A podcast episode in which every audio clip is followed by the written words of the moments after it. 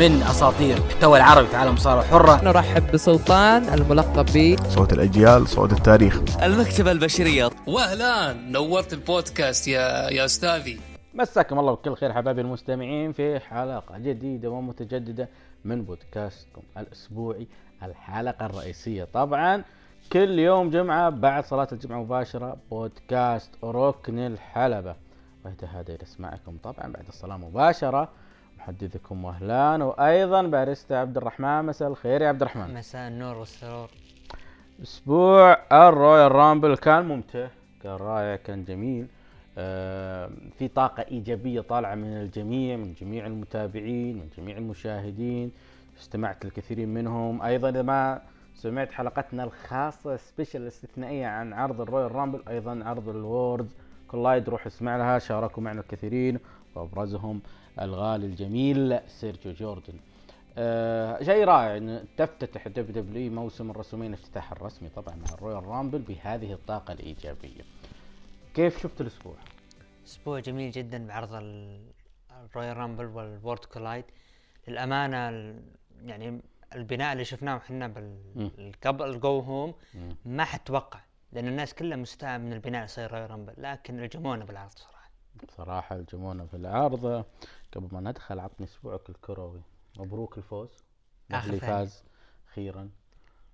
بس طيب فزت الحين. طيب وبعدين؟ وثم ماذا؟ تسوون شيء أنتم؟ لا. طيب ليش ليش متشقق وفرحان ومستانس؟ أنا متشقق لأن الإنتر رسميا تعاقد مع كريستيان إريكسن لاعب توتنهام اللي كان العام مطلوب من برشلونة وريال مدريد بمبالغ تصل فوق ال 70 مليون خطفوا الانتر 15 مليون. كان كانوا يبغون يدفعون ريال مدريد إي نعم. كم كانوا يدفعون؟ تقريبا حول 70 مليون. 70 مليون. إي. بعدين لاعب سوبر هذا. بعدين انتر خذ بكم؟ تقريبا 15 إلى 20 مليون. ليش؟ هم بيعوا بسطه ولا وش؟ لا. اللاعب اللاعب كان بينتهي عقده نهاية الموسم. وتوتنهام مضطر إنه يبيعه علشان ما يخسر مجانا. فاضطر إنه يبيعه بالمبلغ هذا. لأنه لو وين رفض وين ريال مدريد وبرشلونة؟ هذا هذا تستغرب إنه ما في نادي. ما أصدق آسف صدقني لأنه ما أصدق الوحيد اللي ما أصدق. طيب النادي الوحيد اللي نافس آه انتر ميلان بالصفقة بس إنه اللاعب رفض اللي هو باريس. لا بس لكن اللاعب رفض إنه يروح لباريس. هي باريس سان جيرمان فلوس ما فيه يعني محشورين الخليفي رايحين فيها. لكن اللي أنا اللي ماني مقتنع فيه إذا كان برشلونة وريال مدريد يعني مقدمين سبعين مليون. سبعين مليون. أروح أبيع أنا 15 تدري ليش أنا بعته 15 ليه؟ لأني لو أنا رفضت بيعه راح راح راح يروح نهاية الموسم مجانا. أنا إيش بستفيد؟ والله ما أدري ما أحس إنه بصدق لكن مبروكين عليكم مبروكين. الله يبارك فيك. أه عطنا أخبارنا إيش عندنا الأسبوع هذا؟ عندنا أخبار اليوم دسمة شوي. يلا عدينا. عندنا أول خبر تحدثت بيكي لينش في برنامج WWE Backstage عن أمنيتها في حذف مسمى نساء. يا لطيف من الألقاب النسائية. يا لطيف المصيبة مو هنا المصيبة إنه أعلن مايك جونسون إن WWE رسميا تحذف مسمى نساء من ألقاب عرض NXT النسائي. هذا ما شفناه في ال Worlds Collide لأنه كان مكتوب NXT Women's title match بين توني ستورم وريا ريبلي يعني. هذا اللي شفناه. فأعتقد مايك جونسون احترم ما تقدمه لنا واحترم المصداقية عندك لكن ما شفناها أصلا. ال Worlds Collide قريب وما أحذف الاسم حتى لا. ممكن أحذف من الأحزمة؟ ممكن. الحكي عبد الرحمن يعني من العقل. وش نسمي الحزام؟ إذا شلنا لقب ال women's يعني وش نسميه؟ هنا المصيبة. هذا اي شو نسميه؟ لقب إيش يعني؟ هذا لقب ال WWE. يعني نقول لقب ال WWE وشو؟ championship حقت مين يعني؟ اللي اللي مع بروك ليزنر حق مين؟ هذه مشكلة. اللي معك انت يا بيكي حق مين؟ شو نسميه؟ لازم تقول هذا حق الحريم. يعني أنت تنافسين مين فيه؟ مين يتنافس عليه يعني. فغريب جدا هذا الخبر. وأعتقد بيكي حاولت إنها تتحدث وتتكلم ليش إنها قالت كذا يعني. عندنا الخبر الثاني. أدينا اعلن مايك جونز ان هناك محادثات بين حلبة الشرف وشبكة Fox Sport. لبث عرض مصارعة مباشر كل يوم خميس. ما يعطيك هذا شعور إنه Fox Sport يعني إنها عرضت هذا الموضوع على دبليو دبليو إي وممكن دبليو دبليو رفضت أو تشرطت؟ لأنه كل يوم خميس مش عندنا. عندنا NXT UK صح ولا لا؟ صح. وإذا كان عندنا NXT UK فهذا يعني إنه تقدر إنك تبث العرض إذا يبونه يعني. لكن ما أدري هل هو السبب إنه آه، ما يبغونه live بيصير ضغط على على NXT يعني عندك الاربعاء live NXT عندك الخميس live NXT UK صعب إنهم يشتغلون هنا وهناك. وانت عارف إنه NXT UK تسجيلات حقت شهر قدام وإلى آخره. آه، قد تكون هذه الخطوة ضغط من Fox Sport على ROH على WWE إنه ترى بنعطيها ROH وإن تمت. صدقني يا عبد الرحمن إن تمت. مو, مو لا تتكلموني عن WWE لا تتكلم. راح يكون في فرصة ثانية أو مجال آخر أو مساحة كبرى للمصارعين انهم يطلعون فيها غير اي دبليو غير دبليو دبليو اللي هي ROH. ونتكلم حنا عن Fox Sport. ومن مصلحة الجميع إنه ROH تدخل مع شبكة Fox Sport. يصير عندنا WWE على USA Network وعلى Fox. عندنا AEW على TNT والآن بيصير عندنا ROH على Fox غير العقود اللي شغال عليها MLW مع Showtime فهذا يعطي إنه آه كثرة عروض المصارعة آه. بس يلا عاد طيب الآن أنا ال- الخبر اللي بما إنه Fox Sport إنه تحاول تضغط على WWE مم. أنا اللي سمعته إنه أساسا NXT موقعة مع قناة NXT UK بس. يبث الاربعاء يبث متأخر أسبوع يبث يعني متأخر يعني. متأخر أسبوع يعني قبل ما يبث على ال network. أو إنه يبث قبل ما يبث على ال network ب 24 ساعة. عندنا الخبر هذا اللي كان صدمه للجميع اللي هو إيقاف اندرادي 30 يوم. كلام يطول ويزيد عن هذه النقطة عبد الرحمن. يعني إحنا نذكر قبل أربع سنوات كان إيقاف رومان رينز. كان وقتها رومان رينز حامل لقب ال WWE. رومان رينز ما كان منشطات يعني. وارجعوا ذيك السنوات لما كنت تتحدث عنها. الآن اندرادي نفس الخبر اللي وب- وأعلنته WWE حتى أحد مسؤولي WWE أكدوا رسميا إنه اندرادي آه، آه، خرق نظام الكشف عن المنشطات بعدين طلع كلام من مايك جانسون وراين ساتن إنه طلعت عنده إيجا... عينة إيجابية. فما. هل هو خرق النظام ولا طلعت عنده عينة إيجابية؟ بغض النظر عن هذا أو تلك يظل إنه آه، أندرادي الآن في فترة مهمة له حامل لقب الولايات المتحدة بناء موسم ال WrestleMania 30 يوم معناه إنه بيرجع قبل ال Elimination Chamber اللي هو آخر عرض قبل ال Mania. لكن ما أدري هل الدفعات اللي هو شغال عليها الآن تستمر ولا لا. لكن بقاء اللقب معه ما هو بقصة لأنه ممكن أول ما يرجع يخسر نفس اللي صار مع رومان رينز لما رجع وخسرها لدين آمبروز. لا سيث فاز باللقب ولا دين آمبروز فاز في اللقب. آه، ديف ملتزر اليوم الفجر يقول إنه بول هيمن هو اللي يقول إنه لا ما نسحب اللقب من آه، أندرادي. مع احترامي يعني للعقلاء اللي يصدقون واحد مثل ديف ملتزر هذه صارت مع رومان رينز. يعني أنا إحساسي إنه إن رجع إندرادي راح يخسر اللقب على طول. ممكن تكون Elimination Chamber ستة. لا لا لا لا لا لا لا, لا. راح يخسر لقب كاريو ري مستيريو اللي هو هو راح يخسر. ام في بي ما أدري لكن راح يخسر اللقب. إم بي؟ بي إم في بي على فكرة طلع إنه مو عقد حصري مع الدبليو دبليو إي.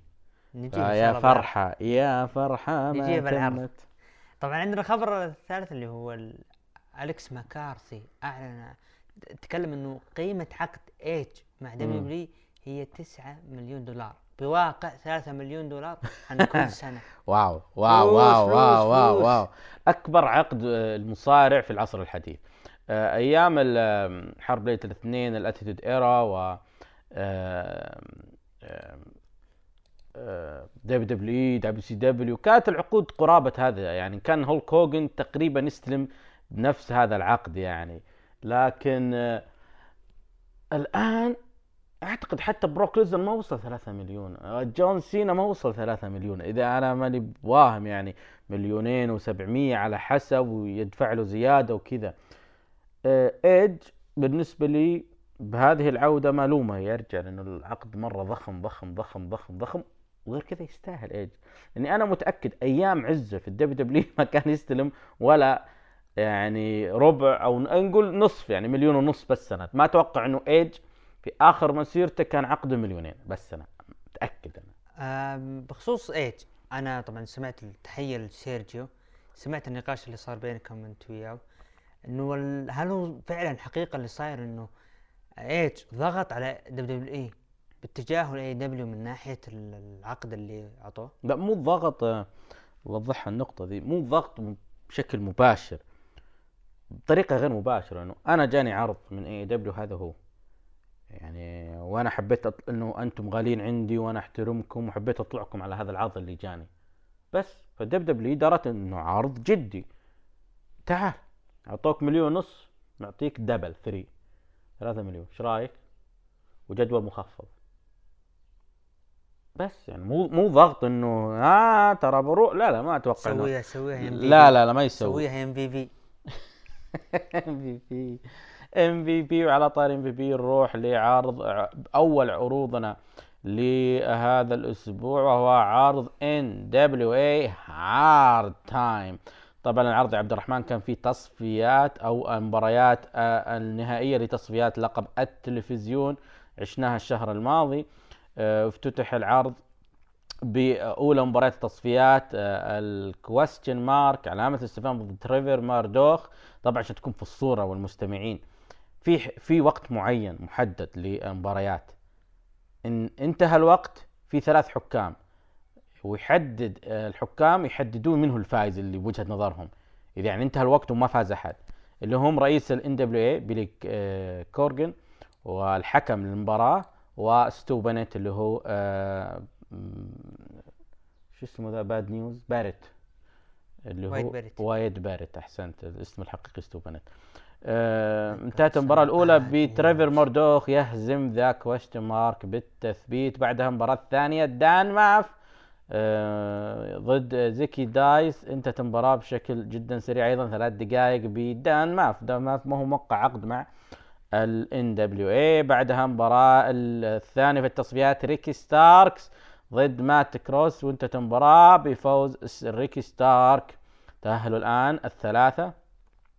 بعدها أتى تيم ستورم إلى الحلبة وتحدث أنه آه، كين أندرسون ما راح يصارع اليوم وبسبب أنه ما أعطي الضوء الأخضر من الأطباء ولذلك يعتبر تيم ستورم متأهل على طول. بعدين أعلن ستو بانت إنه العرض القادم العرض الشهري القادم لي NWA راح يكون عودة The Crockett Cup اللي كانت انطلاقة عصر NWA مع بيلي كورجن العام الماضي اللي هو خاص بال Crockett Cup هذا خاص كأس خاص للفرق. فبيكون شهر إبريل ما حددوا وأتوقع إنه بيكون بأسبوع راسلمانيا أو بعدها. أه، وأكد إنه راح يكون في قاعة كبيرة يعني. بعدها شفنا مباراة رباعية على ألقاب NWA للفرق حمل ألقاب The Rock 'n' Roll Express ضد ال Wild Card ضد ايلاي دريك and جيمس ستورم مباراة أخذت قرابة ثمان دقائق انتهت بتتويج أبطال جدد. متوقع الشيء. كان متوقع تحدثنا عنها الأسبوع الماضي. ايلاي دريك جيمس ستورم أبطال فرق عرض NWA الاثنين تكلموا بعد المباراة وقدموا بروم انه ما راح نختار اسم لنا الفريق يعني ما راح يكون لنا اسم لكن أهم شيء إنه تسمونا الأبطال. مباراة لقب النساء البطلة آه، أليسون كي ضد ثندر روزا. أطول مباراة في العرض وكانت الأجمل. انتهت بفوز ضخم لثندر روزا وتتويجها للقب. بعدها قادم وأتى مارتي سكورل قبل مباراة ال main event أتى مارتي سكورل وتحدث إنه هو جاي هنا يبي فرصة على لقب ال NWA نيك ألدس رفض اعطاه هذه الفرصة قال إني أعطيتك فرصة وراحت. وش أسوي بك فقال أجل خلي مباراتك مع فليب غوردن تكون على لقب ال NWA قال بشرط إنك تطلع من المبنى. قال أطلع من المبنى وطلع من المبنى. مباراة النصف نهائي. تريفر موردوخ دان ماف في تصفيات لقب التلفزيون. تريفر موردوخ ما زال يسجل اسمه بشكل جدا قوي كأحد المنافسين القادمين ويصل إلى النهائي. بعدها شفنا مباراة واحدة أجمل مباريات العرض ريكي ستاركس ضد المخضرم تيم ستورم مباراة نصف النهائي في بطولة التلفزيون وانتهت بفوز ريكي ستارك. تحية تيم ستورم. هاي هنا الدفعة للموهبة. الله. بعدها جت مباراة اللقب الوطني بين شوتر ستيفنز آه، آرون ستيفنز AKA داميان سانداو حامل اللقب ضد سكوت ستاينر. مباراة سامجة مباراة تمغص بغض النظر عن تطبيل سيرجيو لها. وسكوت ستاينر لا انتهت ب DQ. بعد ما تدخل Question Mark علامة استفهام على آه، سكوت ستاينر بعدين هرب آه، شوتر ستيفنز باللقب والمسكين Question Mark قام يجلده سكوت ستاينر. مباراة تمغص وأنا أكرر يا سكوت ستاينر ضف قشك وراح يرجع. لا يفوز تكفون لا يفوز. ما راح يفوز لكن خلاص المفروض ينتهي ما نبغي آه مباراة آه لقب ال NWA حامل اللقب نيك آلز ضد فليب جوردن القادم من ROH وهذا أول تعاون بين ROH و NWA بعد ما عاد التحالف بينهم. المباراة أخذت ربع ساعة انتهت بحفاظ نيك آلدس على اللقب وهزيمته لفليب جوردن. آه، الختام ال main event لعرض Hard Times الذي ارتبط اسمه مع لقب التلفزيون. ريكي ستارك ضد تريفر موردوخ مباراة نهائية في تصفيات التلفزيون. صدق إن هذه المباراة هي فعلا hard times الاثنين اشتغلوا كثير على أنفسهم. الاثنين قدموا الشيء الكثير حتى يصلون للمرحلة هذه. انتهت المباراة بعد مرور عشر دقائق بتتويج البطل الجديد للقب التلفزيون وعودة هذا اللقب العريق. ريكي ستارك سجل نفسه كحامل لقب التلفزيون. سؤالي لك أنت هل ال NWA بدأت تفهم توليفة كيف تصنع هوية بوجود roster حصري؟ ريكي ستاركس بطل التلفزيون ايرون ستيفن بطل ال National آه، أبطال الفرق عندك إيلاي دريك وجيمس ستورم آه، بطل العالم عندك نيك الدس بطلة النساء ثاندر روزا كلهم حصريين عندك وكلهم شخصياتهم قوية. رأيك؟ وهذه بداية النجاح. وهذه بداية النجاح. بداية النجاح. أنت تبغى تخلق هوية لك خلي عندك آه، المصارعين عندك حصريين فقط. وأبد هذه بداية النجاح. نروح لعرض MLW Fusion طبعا العرض آه، كان لهم فترة يخلون عروضهم تعدى الساعة فهذا شيء جميل. افتتح العرض آه، شفنا برومو لل Contra Unit يتكلمون فيه عن العداوة القادمة لهم راح تكون ضد ال Hart Foundation بعد شفنا آه، مباراة فرق بين دراجو وبوما كينج قادمين من Triple A ضد آه، توريس ولو رايدر ضد جوردن أوليفر وكوتو برازيل. مباراة تقريبا أخذت سبع دقائق انتهت بفوز القادمون من Triple A دراجو وبوما كينج بعدها آه، شفنا ديفي بوي سميث يتكلم عن تحقيقه لكأس كروكيت آه، Cup ويتحدث إنه خلاص الآن الهدف أمامه هو لقب ال MLW لقب العالم في MLW. بعدها شفنا آه، برومو آخر لل Contra Unit عن ال Hart Foundation.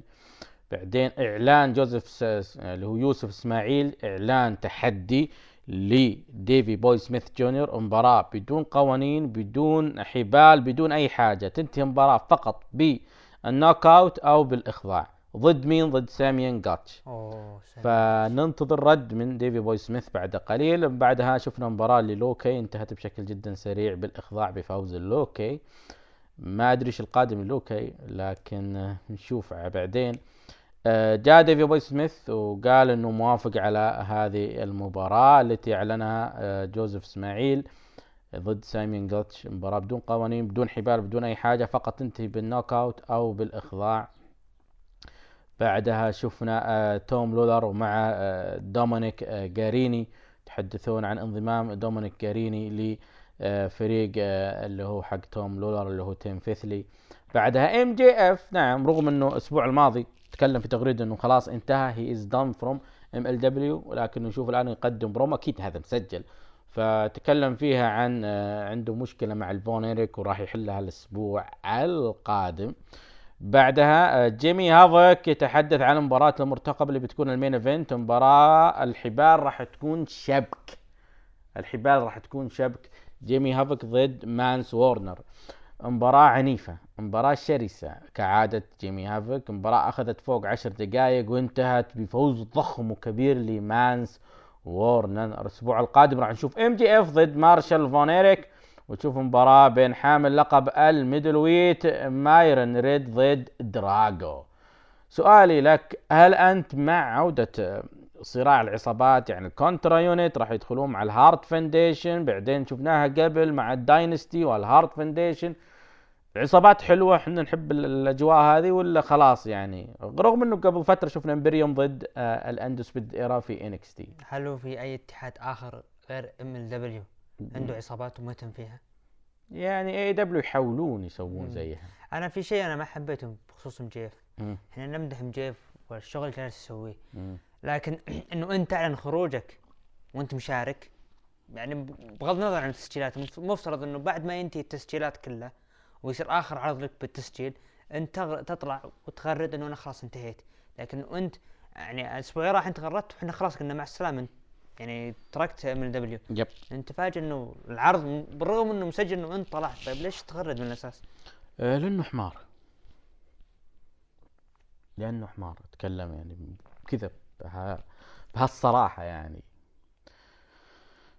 نروح لعرض ال NWA Power هذا الأسبوع. العرض افتتح بعودة وظهور مفاجئ لأحد الأسماء الشهيرة في التقديم وفي تاريخ التعليق في ال WWE اللي هو شين موني. أعلن أنه يكون رسمي ضمن طاقم التعليق في ال NWA حيث قدم نيك ألدس. نيك ألدس تكلم عن اللي صار في مباراته مع فليب جوردن في عرض Hard Time وتحدث عن آه، سالفة آه، مارتي. المهم إنه ختم إنه هو هو هو أعظم آه، أبطال هذا العصر وهذا ال- ال- الزمان. وأكد إنه في لقاء بيكون مع نهاية العرض بينه ومارتي سكور لتحديد الفصل الأخير في القصة اللي لها سنة الآن بين مارتي سكور ونيك ألدس. بعد أكيد راح يبثون highlight من اللي حصل في آه Hard Time.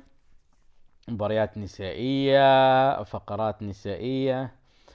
آه بعدين جاء فقرة بطل التلفزيون آه، ريك ستارك. تكلم فيها ريك ستارك عن آه الانتصار الكبير وإنه مثل ما قلت لك إنه هو يجسد معنى العرض اسم العرض ال Hard Time. هو يجسدها من ناحية إنه يعمل بجد وإلى آخره ومن زرع حصد. والحكم هذه اللي يقولون لنا إحنا في ابتدائي تذكرها؟ من جد وجد ومن زرع آه، حافظها لها الحين عبد الرحمن. بعدها م- ال- واحد اللي هو شو اسمه زكي دايس جاء وقال إنه أنا ما أخذت فرصتي صح ما في لما فاز علي. وبعدين أعلن تحدي لريك ستارك. وقبل التحدي ريك ستارك المباراة ما طولت أربع دقائق ريك ستارك دق خشم زكي دايس. بعدها شفنا برومو لأبطال الفرق ايلاي دريك وجيمس ستو- ستورم جو قالوا إحنا ما راح نطلق أي اسم على ثنائيتنا هذه إحنا هنمشي الابطال هم يحتفلون. من جاء شوتر ستيفن بطل الوطني ومع Question Mark جو وأعلنوا تحديهم لإيلاي دريك وجيمس ستورم لكن دريك وستورم كانوا يطقطقون على ستيفن وعلى Question Mark وإنه يعني ما أنتم كفوا إنكم تتحدونا وصارت فقرة يعني حلوة يعني فيها طقطقة وضحك. حتى صار في آه، آه، تحدي الأسبوع القادم بينهم. يعني رسمي الأسبوع القادم راح نشوف مباراة على اللقب بين الفريقين. آه، بعدها وهو الختام وال main event لعرض NWA Power نيك الدس face to face مع مارتي سكورل عشان يحددون ما القادم بينهم. مارتي سكول قال إنه أنا أبغى فرصة أنا أبغى أرجع مرة ثانية دائرة منافسة على لقب ال NW نيك ألتس يقول أعطيت أنت الفرصة هذه وخسرت وما فيه أي مجال. مرة ثانية. المهم الاثنين اتفقوا إنه خلاص راح تصير التحدي في عرض ال Crockett Cup لكن راح يكون في مقابل. إن فاز نيك الدس مارتي سكور لازم يدفع مبلغ. أو سيدفع مبلغ مارتي سكور سواء عشان يدخل المباراة ولا لا. ووافق مارتي سكور سؤال لك الحين يا عبد الرحمن. مارتي سكور نجم حصري ل ROH صح إنه طلع في New Beginning في عرض JPW في الولايات وأعلن تحدي جي وايت في عرض Supercard آه، لكن آه، هل مارتي سكور في ال Crockett Cup يفوز باللقب حق ال NWA ويكون متواجد بشكل أسبوعي في العرض؟ قبل شوي تكلمنا إحنا عن الموضوع ال- الحصري. المصارعين الحصريين. وإنه NWA مسك المصارعين. صار عنده مصارعين حصريين له صح؟ فوز مارتي سكور ما أدري. هو راح يكون شيء جميل إنه هو ينتصر من ناحية القصة اللي أخذت فترة طويلة. مم. لكن ما أتوقع إنه راح يفوز لأنه وهو الأفضل. إنه إذا أنت تبغى نجوم حصريين لك خليك على نجومك. التعاون مع اتحادات أخرى راح يثر عليك. من ناحية إنه ان دبليو اي أنت ما أنت بحاجة. بالعكس الاتحادات الثانية هي اللي بحاجه بحاجة آه، التحالف اللي معك. يعني نقول ROH هو اللي محتاجك مو أنت محتاجه. صح. أنت ماشي صح. لكن ننتظر لكن ما أتوقع إنه راح يفوز. أنا بالنسبة لي أشوف إنه عقود ال NWA يعني العروض الشهرية على FITE TV العرض الأسبوعي على اليوتيوب أه، أحس إنه لا ما زال إنه بحاجة ROH يعني أقل شيء ROH خبرة ROH الآن في عقد قادم مع Fox Sport ف- واذا تم بيكون مهم جدا جدا جدا ل NW Power إنهم يصلون إلى أسواق أخرى ويتوسعون أكثر. وأكثر عطنا عرض ال Raw عرض ال fallout لل Royal Rumble. عندنا عرض الأحمر اليوم أقيم في سان أنطونيو تكساس. طبعا افتتح عارف ديرة مين ذي؟ شون مايكلز. شون مايكلز. طبعا افتتح العرض آه، بدخول بطل ال Royal Rumble عام 2020 درو ماكنتاير. wow. وهتفت الجماهير بأنه أنت تستحقها. وتحدث أنه إلى الآن أنا أشوف أنه أنا بحلم بعد 24 ساعة. أنا ماني مصدق لأنه واصل له. واحد يلومه. وأنه راح س... أنه راح يذ... آه، وتحدث أنه سوف يذهب إلى WrestleMania. وأعلن تحديه الرسمي لبروك ليزنر. وذكر أنه آه، في عرض ال Royal Rumble نظر إلى عيني بروك وإقصائه بعد وبعد بعد هذه النظرات إنه أنا قصيته ودقيت خشمه. وراح انتصر على بروك في الرسمانيا وراح أحقق اللقب.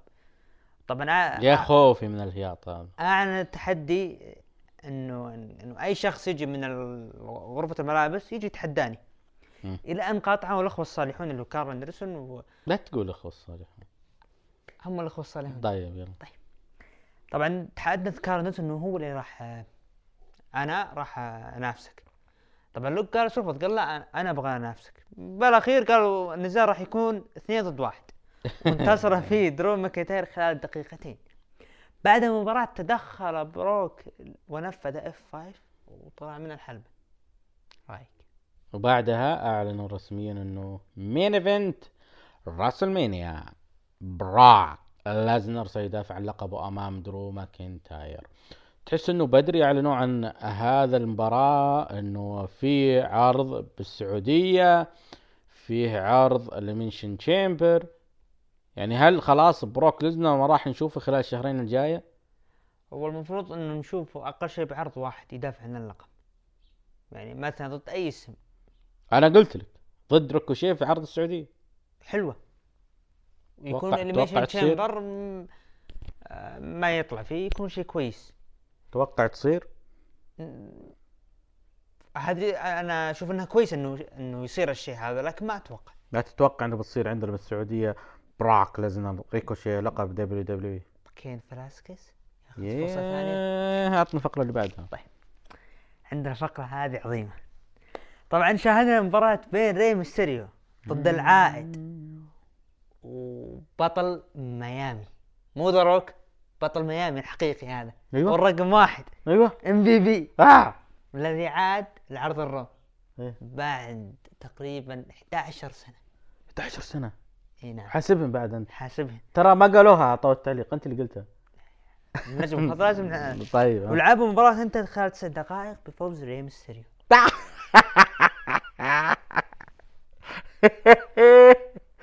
طيب. رأيك؟ اردت أسألك إيش رأيك يعني؟ عودة ام في بي يعني. شوفة ام بي هذه تكفي. إحنا أنا شوف عبد الرحمن يعني آه شوف شوف.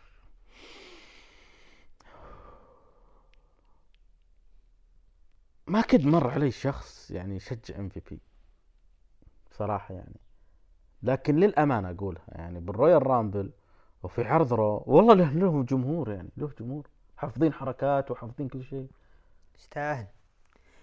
إم في بي المسيرة اللي قدمه يعني ما هي ضخمة لكن أنا أذكر الهياط اللي صار وانه في نجم ضخم بيجي لسماك داون والتطبيل وأذكرها ذيك السنوات يعني 2006 آه كنا ننتظر ونشوف وش ذا وتيدي لونج يطبل وبالأخير إم في بي. طالعنا وش ذا؟ مين طلعوه ذا؟ كانت وقتها دب دبليو في سنوات الضياع هين. ف بس السؤال يعني أنا بالنسبة لي تعليقي إنه ري ميستيريو ام في بي بينهم history بينهم حاجة أيام عرض سماك داون إلى آخره. بس ام في بي مو من ذاك النوع من المصارعين اللي ممكن تعتمد عليه يعني وش بيسوي يعني؟ هو خلاص انتهى ام في بي يعني الصراحه يعني يعني. صح أنا داري إن إنك حزين بالنقطة هذه بس يعني عود بالرويال رامبل وتعطيه مباراة قدام ري ميستيريو في عرض رو بتحس إنها مجاملة؟ Hall of Famer هو ال Famer بعد! هلا وش؟ ما يعني ما, ما راح أستغرب إنه بتكون فيه Hall of Famer لأنه ممكن اي تجهيز إنه مثلا السنة الجاية هو يكون يدخل في ال Hall of Fame مو السنة هذه السنة الجاية. فحاول أذكر بالجماهير مين هذا. حتى لو استعرضوا الفيديو اللي صار. اي مين هو؟ أصلا عشان يذكرون الجمهور فيه مين هو؟ بطل الولايات المتحده واجد اللي حققوا اللقب ترى. مو بس هو يعني. غيره. tag teams مع مات هاردي وغيره. كان يهرب من بوجي مان غيره.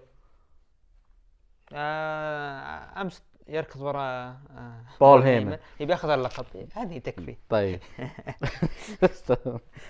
طبعا آه، شفنا مباراة بين الستر بلاك ضد jobber وانتهت خلال 40 ثانية. وبرومو حق ليستر وتحدث بلاك برومو روعة روعة. إنه اللي صار بالرامبل من عين إقصائه من بادي ميرفي. إنه ما يلوم بادي ميرفي. أنا ألوم نفسي إنه أنا صرت أنتظر الخصوم. أنتظر الخصوم. أجي أقول يلا يا الخصم الفلاني تعال عندي أطرق بابي. لا أنا راح أتغير. راح أنا راح أدخل على الخصوم نفسها. رأيك؟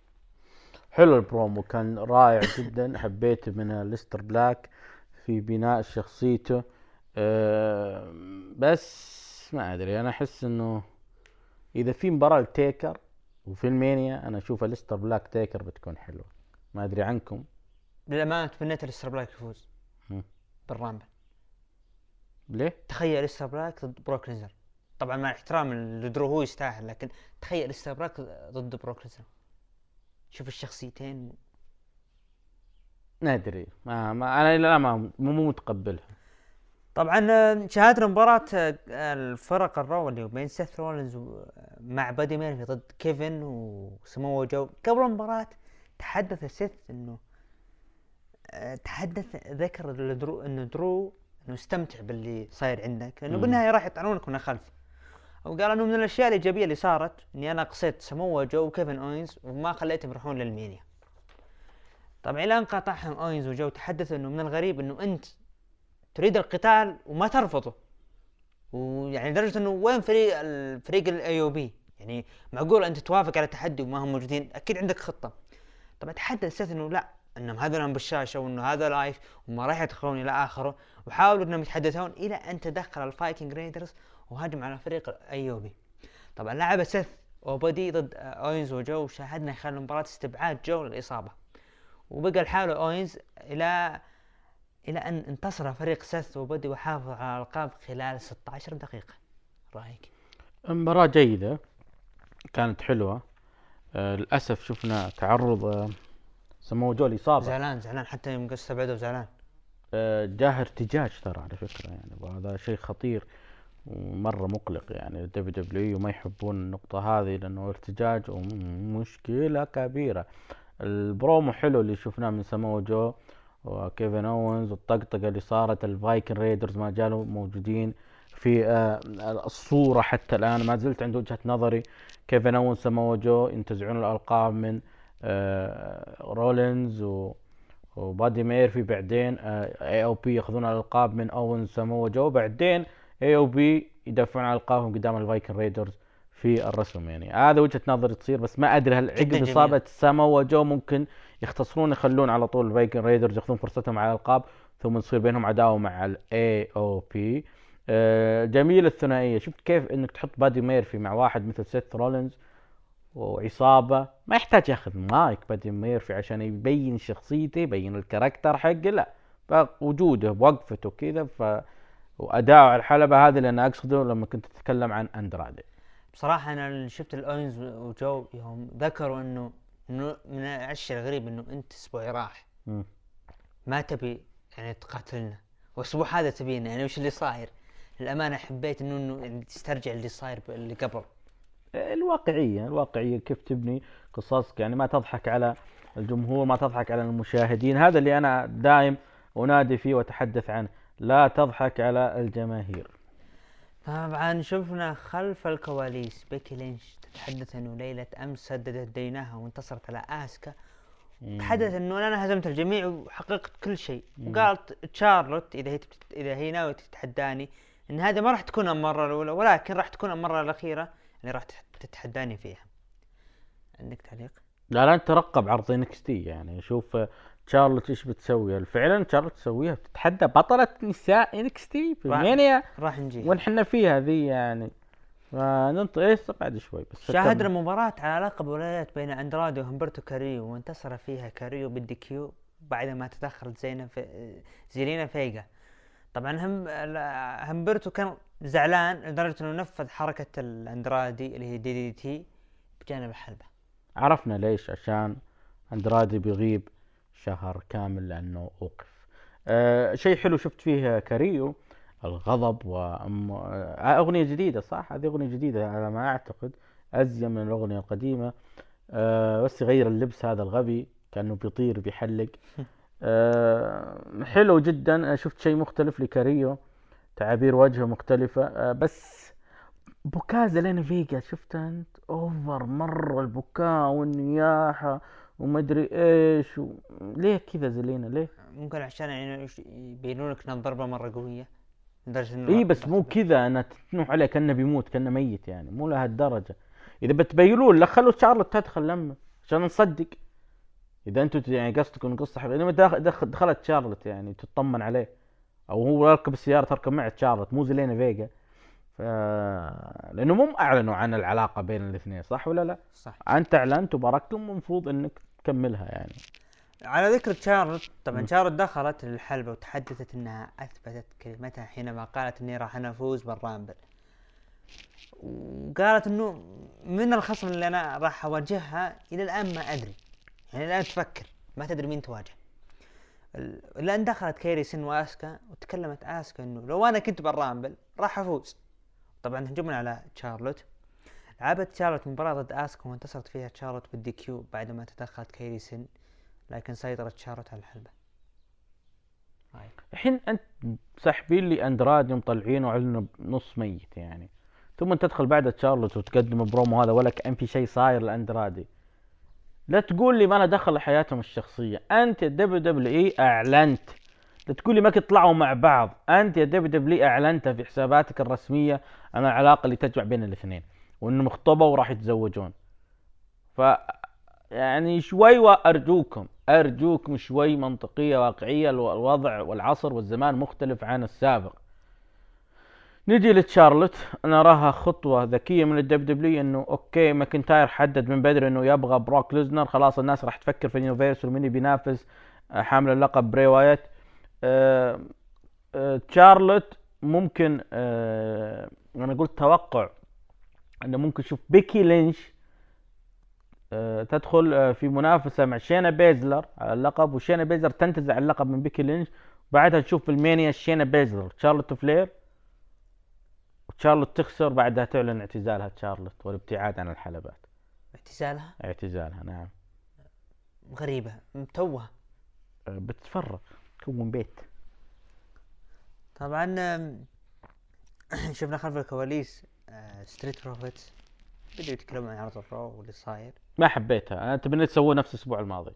يعني فقرتهم الأسبوع الماضي كانت خرافية وأفضل وأفضل شيء صار في عرض رو الأسبوع الماضي. ليش ما كملوها يعني؟ إلى أن دخلت نجمة ECW السابقة. كلي كلي. كيلي كيلي واللي هو المصارع فورد قام يغني أغنيتها. شاهدنا موجو راولي مع صديقه الجديد ريديك موس. عندك موس اللي كان موجود في NXT وكان خويه الثاني ناسي اسمه وتعرضوا كلهم لإصابات ورجعوا ف ما أدري ما أحس إنهم لايقين على بعض موجو راولي وموس. هو قدمه لأنه الشخص اللي لا يقهر. ما يعني غريبة. طبعا شفنا مباراة بين موجو راولي ضد نوي خوسي على لقب 24 7 شامبيون وانتصر فيها موجو راولي خلال 20 ثانية. المفاجأة مو هنا المفاجأة إنه في واحد لابس ال- البرجر. خطف ثبت راولي وخطف اللقب. طبعا تبين إنه ارتروث بالنهاية استعاد موجو راولي لقبه بعد ما ثبت ارتروث عندك رأي؟ أنا أقول ليش ما فجأة دقت موسيقى ارتروث ودخل مباراة الرامبل الحريم, وإنه مضيع يعني. بتكون حلوة لو صارت طبعا عندنا المباراة المهمة الكل يترقبها. مم.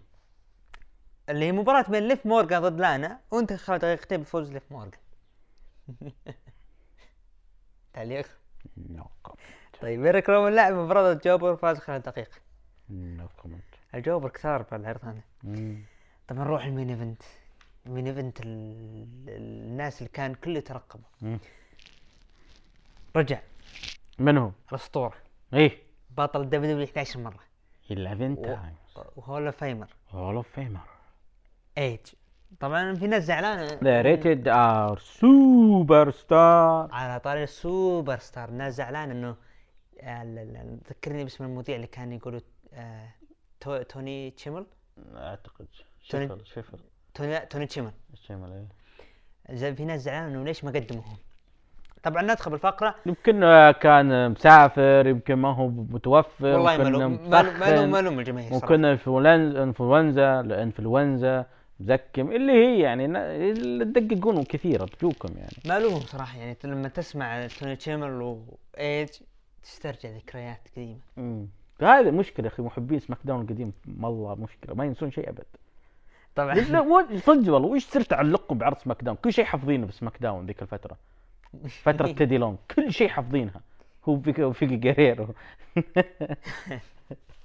تحية لفيكي جريرو تحية فيكي جريرو تسمع البودكاست. طبعا تحدث إنه بعد تسع سنوات ما ما تم ابعاده من الأطباء. قررت إني راح أسوي عملية. وبعد العملية قلت ماذا لو؟ ماذا لو أعود إلى منزلي الأول وهو ال WWE. وتحدث أن هناك وجوه جديدة وعلى الجميع استعداد لمواجهته لا لكن دقت موسيقى راندي أورتن ودخل؟ الحلبة راندي وحضن ايج تحدث أنه أنت الوحيد اللي وقف معي. وبدأ بالمديح له. وأكمل حديثه قال ماذا لو عاد لو؟ فريق Rated RKO بعد ما قال الكلمة هذه فجأة okay راندي اورتن ينفذ حركة RKO على ايج وبدأ بالهجوم العنيف لدرجة إنه وضع كرسي عليه. وحاول إنه يقفز من الحبال لكنه هون. بعدين نزل راح لل, لل... راح لجانب الحلبة وخذ كرسي ثاني. و... وضرب الكرسي على راس ايج. لينتهي العرض على هذا المشهد. دايم أول شيء نشكر ايج على هذا ال- البرومو. عظيم رومان بجدا رائع وأنا بالنسبة لي صنفه مع بروموهات الأسبوع. آه رائع تكلم من القلب في البداية يعني مسك نفسه. لما دخل راندي وحضنه بكى حقيقة. انه إيه. راندي قال كلام فبكى حقيقة وكان متأثر. راندي تكلم من قلبه يعني عن ذيك السنوات اللي كان فيها راندي كل شوي موقف فالحركات الصبيانية والمراهقية اللي كان يسويها فترة. فكان كان ايج هو اللي كان ينصحني وكان هو اللي كان يعني يعني مثل ما تقول يفهمني أو كان يطبطب علي من هالحدث ده بعدين لما قال Rated RKO فكرت فيها إنه يتحدون على الألقاب مثلا في أرض السعودية. أنا جاء على بالي الشيء هذا. وبعدين يقلب عليه أورتن وتتم العداوة بينهم لكن ما صار. آه إيج آه مع ذلك تحس إنه راندي كان كان يعني ما وده يؤذي لكن آه الأصوات اللي يقول إنها دايم تكلمني لا آه، اذى يعني أضرب على الرقبة. توقعت لازم يكون في تدخل. من وين الناس؟ لازم يجي ناس يتدخلون ويحمونه. تحديدا أصدقاء إيج اللي فرحين بعودته بتكون حلوة يعني عشان يبعدون إيج عنه. يبعدون راندي عن إيج. بس أتوقع لأن الفقره طويلة و... فلازم يعبي الوقت فيها. وهذا خطأ من ال WWE. كان المفترض إنه بتكون فقرة يعني ثلث ساعة كاملة. 20 دقيقة غلط كان يعني ما دام إنه برومو أنا بالنسبة لي 10 دقائق كافي المفروض الفقرة هذه وزودون الدقائق للفقرات السابقة. آه على الأقل أشوف شيء بين ريكوشيه وبروك ليزنر لو خلف الكواليس إنه بروك يدور ريكوشي فبتكون حلوة يعني بس ما صارت. فهذه المشكلة النقطة اللي أنا لاحظت إن الوقت كان مرة طويل وكان راندي يحاول يضيع الوقت لين ينتهي البث. هذه مشكلة أتمنى إنها ما تتكرر عموما. تقييمي أنا للعرض أعطيه ثمانية من عشرة. آه، نجم العرض بالنسبة لي بلا نقاش بلا جدال. إيج أنت؟ سبعة من عشرة. مم. نجم العرض؟ راندي وإيج راندي أو إيج؟ آه، بخصوص بروك ليزنر إنه يعني إنه يبحث عن ريكوشيه يعني لو كانوا أفضل شيء إنه بعد ما ينفذ ال F5 على درو ماكنتاير يدخل خلف الكواليس يتكلم المذيع معه ويقول أنت ليش نفذت والى آخره. المذيع يتكلم مع بروك ليزنر أو بول هيمن. بول هيمن إيه. مع بول هيمن خلينا نقول. فيرد على بول هيمن يقول إنه أساسا باقي شخص آخر. ويبدأ يدورون ريكوشيه ويجد ريكوشيه. فيكون في واقعية إنه هذا أقصاني وأنا رايح أجد الثاني اللي تسبب بإقصائي بعد. جميل. عطنا ال rating. طبعا ارتفع rating عرض ال Raw هذا الأسبوع إلى مليونين و400 ألف. Wow. مليون 400 ألف. طبعا آه هذا هو المعدل السنوي أصلا. سماك داون أعلى منه 500 سماك داون شيء تاريخي ما كنت صار لكن هذا المعدل السنوي لعرض Raw دايم بهذا الفترة يكون كذا مليونين وشوي مليونين ونص وإلى آخره. لما يصقع يصقع ثلاثة مليون ثلاثة مليون وشوي. طبعا تقييم متابعين العرض رو من عشرة آه نسبة خمسة بالمئة أقل من خمسة نسبة سبعة عشر بالمئة أعطوه لم أشاهده حتى الآن التقييم متفاوت. ناس عطوه من تسعة إلى عشرة وناس عطوه من خمسة إلى ثمانية. الآن الناس محتارة في كم تعطيه. لكن أتوقع من تسعة إلى عشرة عشان العرض كان مرة حلو يعني. العرض كان مرة جيد ورائع. أنا شفت معك قبل شوي آه الكفر هذا اللي أنت غيرته ما هو زي الأول أنت شريته يعني اللي قبل أسبوعين معاك. أنا أشوفك تجدد أنا داري إنك تحب تجدد الكفرات. بس في شيء لفت انتباهي. أنت مسوي شيء بالشاشة؟ إيه غيرت الش... ال- ال- ال- غيرت الشاشة أنا. الحامي نفسه غيرته. شفت إنه الحامي يعني من زمان ما غيرته فقلت بغيره. للأمانة عندهم التغيير رهيب جدا. منهم؟ مؤسسة البدر للاتصالات. مؤسسة بدر باتصالات شارع الصالحية بمحافظة عنيزة. أي شيء يتعلق بالجوالات روحوا لهم هناك على طول. أه وأكيد راح تلقون عندهم عروض جيدة. نروح الآن إلى عرض NXT طبعا العرض افتتح على طول بمباراة فين بالر وترنت 7 آه طبعا آه، انتشر فيديو قبل آه، بث عرض NXT لما ترنت 7 نزل من سيارته وراح هاجمه فين بالر آه، شيء جميل البالر الجديد اللي شايفينه. طبعا المباراة جيدة أخذت عشر دقائق وبصراحة استمتعت فيها وكعادة ترنت 7 كان يعني رائع جدا. لكن المباراة انتهت بفوز آه، بالر آه، رأيك ببالر الجديد؟ جدا جميل. أنا نشوف ال... تشوف المباراة أداء بعد المباراه شفت آه، إيش قال؟ لا قال إني أنا آه، جايك يا جوني قرقانو. بعد المباراة شفنا كيثي كيلي يسوي لقاء مع ال Bruiserweight م- مات ريدل وبيت دون يتكلمون عن مباراتهم المرتقبة اللي هو ال main event النهائي لبطولة داستي رودز كلاسيك. طبعا طول كلام مات ريدل كان الجمهور يضحك. كان الجمهور يضحك. فسبحان اللي خلق الولد هذا. بعدها شفنا كيث لي جاي للحلبة يتكلم عن آه، فوزه في مباراة آه، الأسبوع الماضي ضد رودريك سترونج وانتزاع لقب شمال أمريكا. لقاطعه آه، داميان بريست وبعدين داميان بريست يقول إنه أنا- مصاب هو؟ ما كان مصاب هو كان مشارك بنفس المباراة هذه اللي تأهلت على المصنف الأول فكان مشارك معهم داميان بريست. وقال أنا لي آه، أحقية في آه، هذا اللقب وإني آخذ آه، فرصتي على هذا اللقب. بعدين قاطعهم دايجاكوفيك ودخل وقال إنه أنا أيضا أبي فرصة على هذا اللقب. وصار فيه يعني ملاسم بين آه، دايجاكوفيك مع داميان بريست. وسحب نفسه كيث لي لتحدد مباراة بين دومينيك دايجاكوف ضد داميان بريست مباراة أخذت تقريبا تسع دقائق كانت جيدة. انتهت في فوز دايجاكوفيك. خلاص دايجاكوفيك هذه مصنف؟ لا لا مباراة عادية. هل هذا يعطيك دلالة إن دايجاكوفيك هو منافس كيث لي الجاي؟ مم، هذا الواقع لكن ما تمنيت داميان بريست. أبي تغيير. تكرار ما, ما أبي تكرار أبغى تغيير. بعدها رجعنا للكيفي. كيلي سوت لقاء مع توماس وتشامبا سألته عن توقعاته لإعلان آدم كول منافسه في التيك أوفر القادم. قال أنا أبغى حزامي طلع ماسورة معه. رحنا فاصل اعلاني رجعنا فاصل اعلاني ولا الاندوس بد إيرا كلهم متسدحين في السيب. سلفتهم إيش وضعهم ذول؟ إلا جاي يسحب من صورته وراه توماس تشامبا. وراح للحلبة.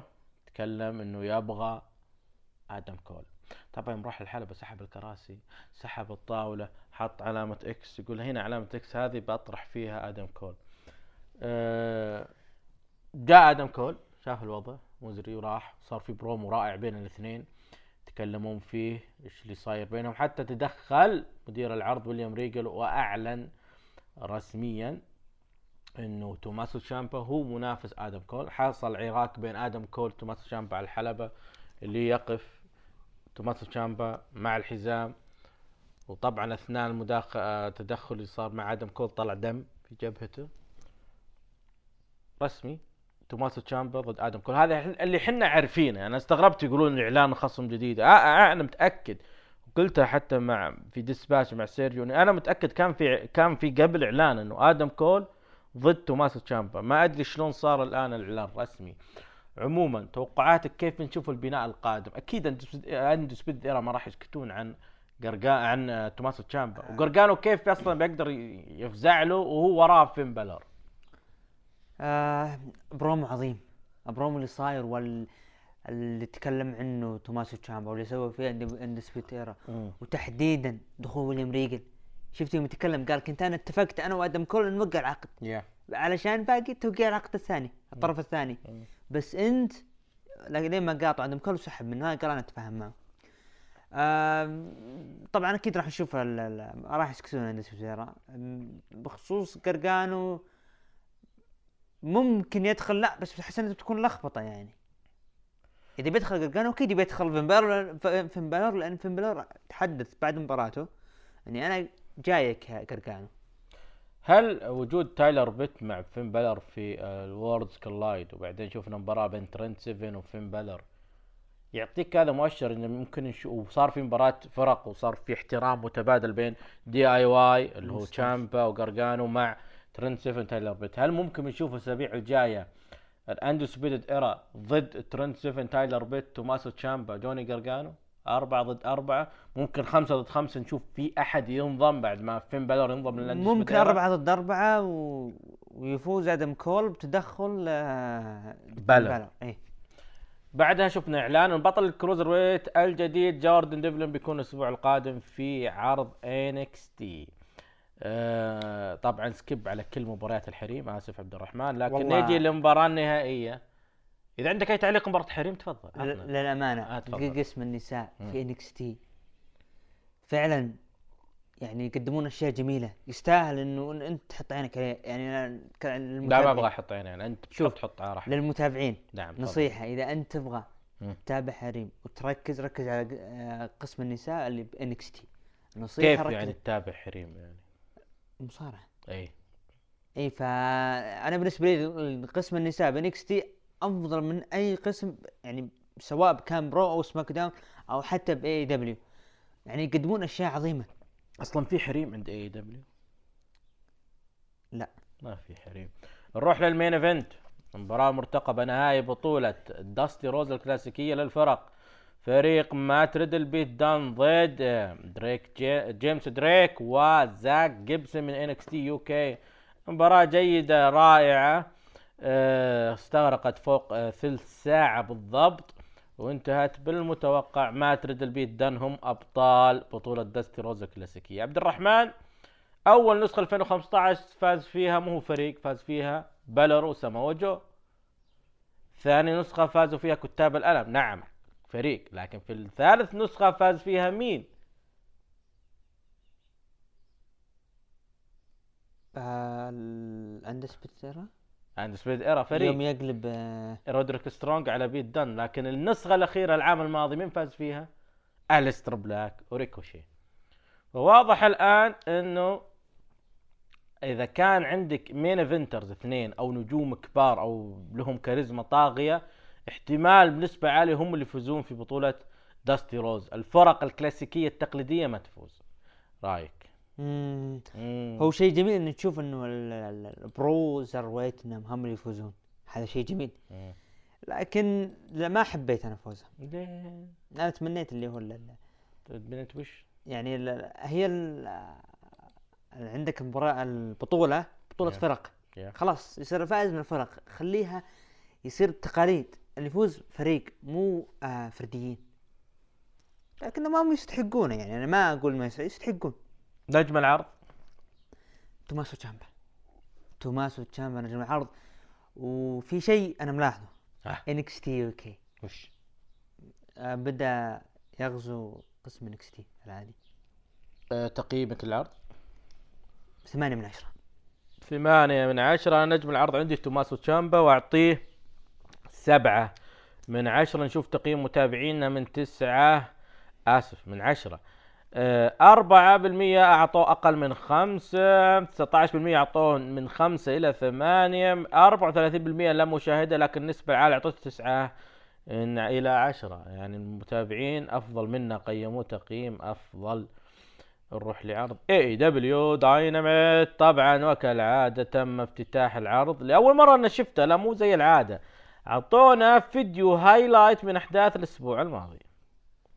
طبعا الطاولة حتى الآن ما شفنا تاز ليش ما, أي تاز غريبة. م- ممكن يكون شهري؟ ما أدري بس يعني ليش إعلان وهياط هو ما وتوقيع؟ ظهر برضو بال ولا ظهر في الكروز لا. أنا أتوقع إنه بيظهر ب Revolution المهم افتتح العرض ببرومو. يعني كأني أشوف أسلوب دب دبليو هايلايت من الأسبوع الماضي ثم الافتتاح ببرومو. على غير العادة دائما يفتتحون مباراة تاخذ 20 ساعة دقيقة 20 ساعة 20 دقيقة ربع ساعة. هالمرة لا برومو رائع خرافي جميل من آه، جون موكسلي حط الشاش على عينه رغم ان الشاش لف إيه شوي إيه، يسار شيء. اي ما ما, ما ضبطت. ما ضبطت اسمع عليه برومو كان رائع تكلم فيه عن الأحداث اللي صارت بينه وهو كريس جيريكو حتى قام باستدعاء كريس جيريكو بعد ما وصفه في أكثر من وصف مذل يعني قال عن جبان قال عن خواف قال كل شيء عنه. تدخل كريس جيريكو وصار في ملاسمه بينه وهو وجون موكسلي. بعدين كريس جيريكو بعد ما تلاعب الجمهور وجون موكسلي استدعى ال Inner Circle اللي هو جماعته. فجو وصاروا خمسة ضد واحد وصار فيه تشابك بينهم هم في جون موكسلي. استدعوهم بعده. مين؟ في ناس جو بعد ال Inner Circle. جو security يفرقون بينهم. لا لا بعد ال Inner Circle بعد ما جو. وتكلم جون موكس إنه ما يهم خمسة ضد واحد أنا معي الجمهور بما إنه ديرته يعني. مم. آه رد عليه جيريكو إنه أساسا فيه بعد. جو ظاهر في ناس ال- جو جماعة سا... سانتوس اللي مع أيوة. اي مع LAX. فالأخير صار فيه ضرب وصار فيه واحد ضد الكل وكأن تشوف جون سينا أو رومان رينز وانتهى بفضل اشتباك بينهم. بعدين آه، شفنا فيديو مصور MJF زار ال- الأرنب. وأعطاها ظرف فلوس كانت آه، عند ال- الجزارين اللي هم The Butcher The Blade وشفنا مباراة بين The Young Bucks و The Butcher The Blade مباراة أخذت أقل من تسع دقائق وانتهت بفوز ال Young Bucks بعدها شفنا تدخل من كيني أوميجا فزعلهم بعدين دخل آه، آه، آدم بيج. بس ما سوى شيء ويعني وعطى ذيك النظرة اللي أنا ماني مهتم ماني بداري بأحد. okay كل كلكم طيبين كلكم ما فيكم العافية خلاص قضينا. إلى الآن يتلاعبون بسالفه إنه إنه آدم بيج ممكن يقلب على كيني اوميجا إلى الآن نشوف الثلاثيات. هل هذا يعني بنيجي ال main event أيضا؟ ثلاثة ضد ثلاثة. هل هذا يعطيك مؤشر؟ إنه صار أيضا في برومو خلف الكواليس. ال Young Bucks قالوا كيني اوميجا لا تأخذها آه، على محمل الشخص لكن إحنا نبغى نأخذ آه، فرصتنا على اللقب. خلاص واضح تصريح كيني اوميجا إنه اللقب القادم هو لقب الفرق السداسية. للأسف هذا اللي واضح قدامنا لكن مين أنتم يا ال Young Bucks؟ يعني مع احترامي لسيرجي ومن هو عاشق لها مين أنتم تطلبون؟ المفروض اللي يطلب المباراة ال SCU ال rematch يطلبونه. هم الأحق. يعني أشياء غريبة صارت بالعرض. نجيها بال main event وبفصل عليها كان. بعدها شفنا مباراة كودي روز ضد كيب سيبيان. طبعا آه كودي مع آرن أندرسون وكيب سيبيان مع بينالوبي فورد. مباراة يعني ما عليها وأنا من محبين كيب سيبيان من أيام Progress. لكن شفنا آرن أندرسون تدخل تدخل غريب أخذ جزمة الله يكرمكم آه، فورد ودخلها الحلبة واعتدى بطريقة غبية على الحكم. أسلوبها غبي جدا ما أدري يعني الحركات ذي ما نسويها ولا في التسعينات. يعني إني واضح إني أنا أبغى الحكم يطردني من الحلبة. يعني أنا أبغى أرغم الحكم عشان يطردني من الحلبة. طبعا حدث تدخل من جوي جانيلا. وتسبب في خسارة كيب سيبيان لكودي رودز. إذا عندك تعليق؟ تدخل جو جميل جميل جدا. هذا اللي عندي بالنسبة للمباراة. بعدها مباراة فرق سكاي وكازيريان آه، من SCU ضد أنجليكو وجاك إيفنز. نعم جاك إيفنز محبين الأنديز السابقين موجود وحي يرزق. انتهت المباراة بفوز سكاي. وكازيريان بعد تدخلوا ال Dark Order وتكلموا ووجهوا كلامهم لكريستوفر دانييلز ووجهوا عليه تهديد إنه عائلتك أصدقائك بيجيهم شيء. Dark Order حولوا من الاليت إلى السيو في لخبطة صايرة. شوفها لخبطة أنت. آه لدرجة إنه. توني شوفاني سمعت إيش يقول؟ إيش يقول؟ بعد ما قبل ما حصل في تدخل أنا سمعت إنه قال إن ال Dark Order جايين فجأة حطوا الكاميرا على طول عليهم. لخ... لخبطة هذه هي موجودة من ال... يعني مين أنت عشان تدري إنهم جايين ولا لا اللخبطة هذه اللخبطة الجاية هذه انه التعامل مع الفقرات خلف الكواليس يعني ناس ما هي حقة مونتاج ما هي حقة تلفزيون يعني يعني WW لو تلاحظ المسكين المونتاج والإنتاج أغلبهم كلهم مو مصارعين يعني حقين بث تلفزيوني إلى آخره عموما هذا بعدين راح نتطرق له يعني لما يكملون سنة في AEW Dynamite نقدر نتكلم عنهم. شفنا فيديو غريب مريب لباك نيفيل تكلم فيه ووجه تهديد لكيني أوميجا وإنه سيجي الأسبوع الجاي وبي... ويجي عشان الثأر والدم وما أدري إيش. ما تتكلم عن جون موكسلي الظاهر بعد. يعني على الكلام اللي صار مع جون موكس الأسبوع اللي راح لكن هو وجه تهديده على كيني أوميجا. ما. أدري وش ليش وش السالفة بينه هو وكيني أوميجا وليش ما انتهت العداوة هذه حتى الآن. طيب إيش رأيك في البروم اللي قدمه ما أدري حسيت إنه من الاجتهادات ال- ال- ال- حقين الهواه يعني. ما هو ذاك المونتاج الثقيل يعني. لما تشوف مثلا تذكر promoهات مصطفى علي في SmackDown تذكر promoهات خلف الكواليس ل آه، الأوسوس. شفت شلون إيه. الإضاءة شلون شغالين عليه. آه هذا عجبني أنا أكثر من اللي هو مسوينه مع باك أو اللي سووه مع البروم اللي قبل شوي تكلمت عنه حق ال Young Bucks وكيني اوميجا يعني. ما كان في إضاءة وما أدري شلون قايلين.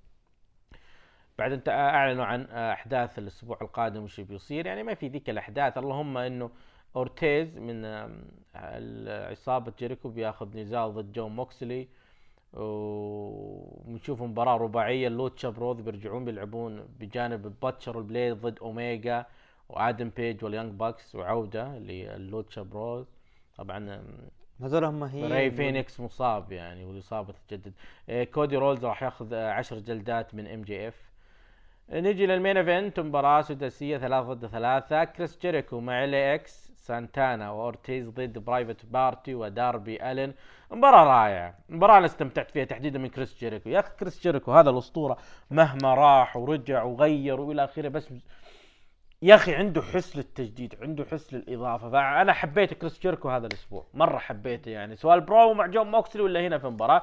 طبعا المباراة انتهت بفوز كريس جيريكو سانتانا اورتيز حين هزم هزموا Private Party وداربي الين بعدها لما ال Inner Circle اللي هم عصابة جيريكو اعتدوا على آه، داربي الين وحاول آه، سامي جيفارا أن يكسر المزلاج عليه. تدخل مين؟ عشرة تدخلوا خمسة تدخل واحد بس. جو موكسلي ومع ماسورة وكأن تدخله متأخر يعني ما هو. إيه راح يدور الماسورة اللي لقاها. وانتهت جو موكسلي أنقذ الموقف. إيه.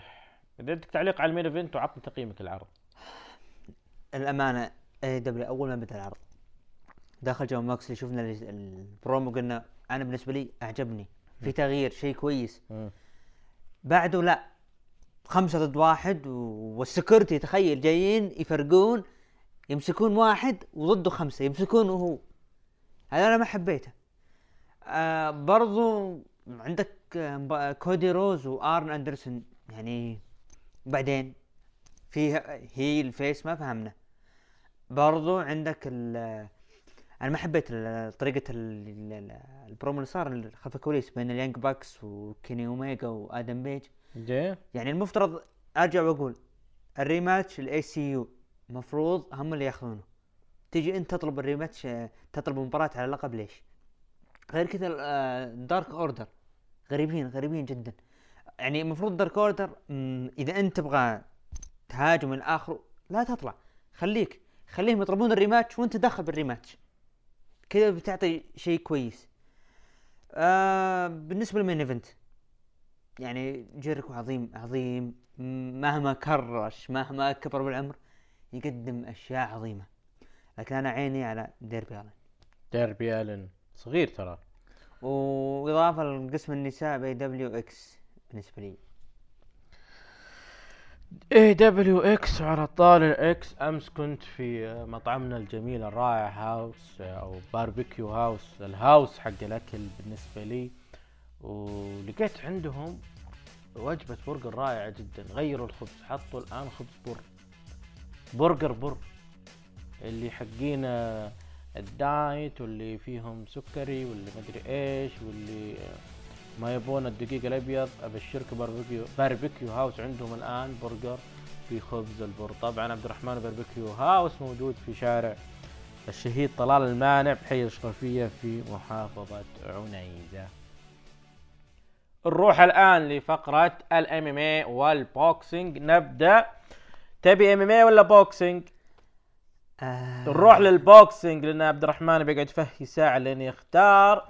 يقول لك في عالم الملاكمة على حسب المصادر فقد اتفق كل من كانيلو ألفاريز وريوتا موراتا اللي تكلمنا عنهم الأسبوع الماضي لإقامة قتال بينهم في اليابان وانتهت المفاوضات. واصبحت الصفقة محسومة من المحتمل أن يكون القتال في 24 مايو وستكون في ملعب سايتاما سوبر أرينا. وقع الملاكم الغير مهزوم جاري ميلر مع شركة توب رانك الترويجية ليعود القتال بعد انتهاء ايقافه لأنه وقف لأنه كان متعاطي منشطات يا متعاطي. ذكر المقاتل وبطل الوزن الخفيف ال UFC حبيب نورمحمدوف بأنه يرغب في مواجهة فلويد مايويذر في قتال مختلط من نوع مختلف. وذكر حبيب أنه سيتدرب نزال تحت يد الأوكراني فاسيل لوماتشينكو لوما لوما تشينكو. قلها. لوماتشينكو لوماتشينكو لمدة ستة أشهر. ستة شهور بيقعد حبيب يتمرن علشان ياخذ نزال ضد فلويد مايويذر بيسويها؟ اللي يعجز عنها كونور ماكريجور والله متحمس. إذا النزال نزال رسمي؟ متحمس. اتفق كل من ناويا إينوي وجون ريل كاسميرو على القتال لتوحيد أحزمة منظمات دبليو بي اي اي بي اف دبليو بي أو لوزن فئة الديك. والمحتمل أن يكون في مدينة لاس فيغاس وبتاريخ 25 إبريل وسيكون هذا أول قتال لإينوي في الولايات المتحدة واول قتال له مع شبكة توب رانك الترويجية. مقرهم الرئيسي ال- اتحادات الملاكمة آه وين كان؟ ما لهم مقر رئيسي ما أدري أنا أحس إن أو لاس لا، فيغاس. لاس فيغاس عشان المراهنات يا قلبي بس. يلا كم يفوز الأهلي ولا خسر الكل بيراهن على خسارته لا ما الأهلي. يجوز. رسميا تم إلغاء قتال خوسي رامريز ضد فيكتور بوستول القادم في الصين بسبب تواجد أزمة صحية وانتشار فيروس الكورونا في الصين وهذا هو سبب إلغاء القتال. وسيتم البحث عن تاريخ وموقع آخر القتال في الأيام المقبلة ويقول المروج بوب أروم عن أسباب تأجيل القتال. لدي قتال ضخم قادم هذا لو وضعوني في حجر صحي سوف أفوت آه، فرصة قتال وايلدر ضد فيوري لإعادة بسبب مرض الكورونا هذا. هل تتوقع إنه آه، الكورونا وانتشاره بيكون أزمة للقتالات والملاكمة؟ تحديدا فيه آه، يعني دورة أعتقد العسكرية والأولمبياد العسكري بيقام في الصين أجلوه سنة. خلينا نشوف ال MMA كريس سايبرغ لعبة الأحد اللي راح في أول أول نزال مباراة. لها في بيلاتور وفازت على جوليا بود بالضربة القاضية وانتزعت لقب وزن متحمس له. الريش. تستاهل لأنها محترمة جدا. شوف كريس سايبرغ أكثر المقاتلات نجاحا في التاريخ بعد فوزها اللي صار في بيلاتور العرض الماضي لأنها هي الوحيدة اللي حملت ألقاب في أربع منظمات مختلفة سترايك فورس انفيكتا UFC وبيلاتور ما كنت سواها أحد إلا كريس سايبرغ خسرتها UFC صح؟ شيء أكيد. دانيال كورمييه يقول مواجهة ضد ستيبي ميوتشيتش للمرة الأخيرة قبل خلع القفاز وترك الحلبة للأبد. ما يبغى لا ما اعتزل حتى الآن. يبي النزال مع آخر واحد نازله. يقول أحد أكبر العداوات الملحمية في ال UFC انتهت بوجهة نظري آه، أن المعارك التي خضتها أمام جون جونز أظهرت أفضل ما عندي من إمكانيات. لكن بوجهة نظري انتهت العداوة ولن أواجه جون جونز مرة أخرى. جون جونز دايم يقول إنه آه كورمييه جبان لأنه يرفض مواجهتي مرة ثانية. شوف إيش يقول. جون جونز تصريح أيضا من نفس الموقع اللي هو يو إف سي إم بي تي سبورت يقول لا أعتقد أن أديسانيا يريد أن يقاتلني إذا كان يريد فعل ذلك.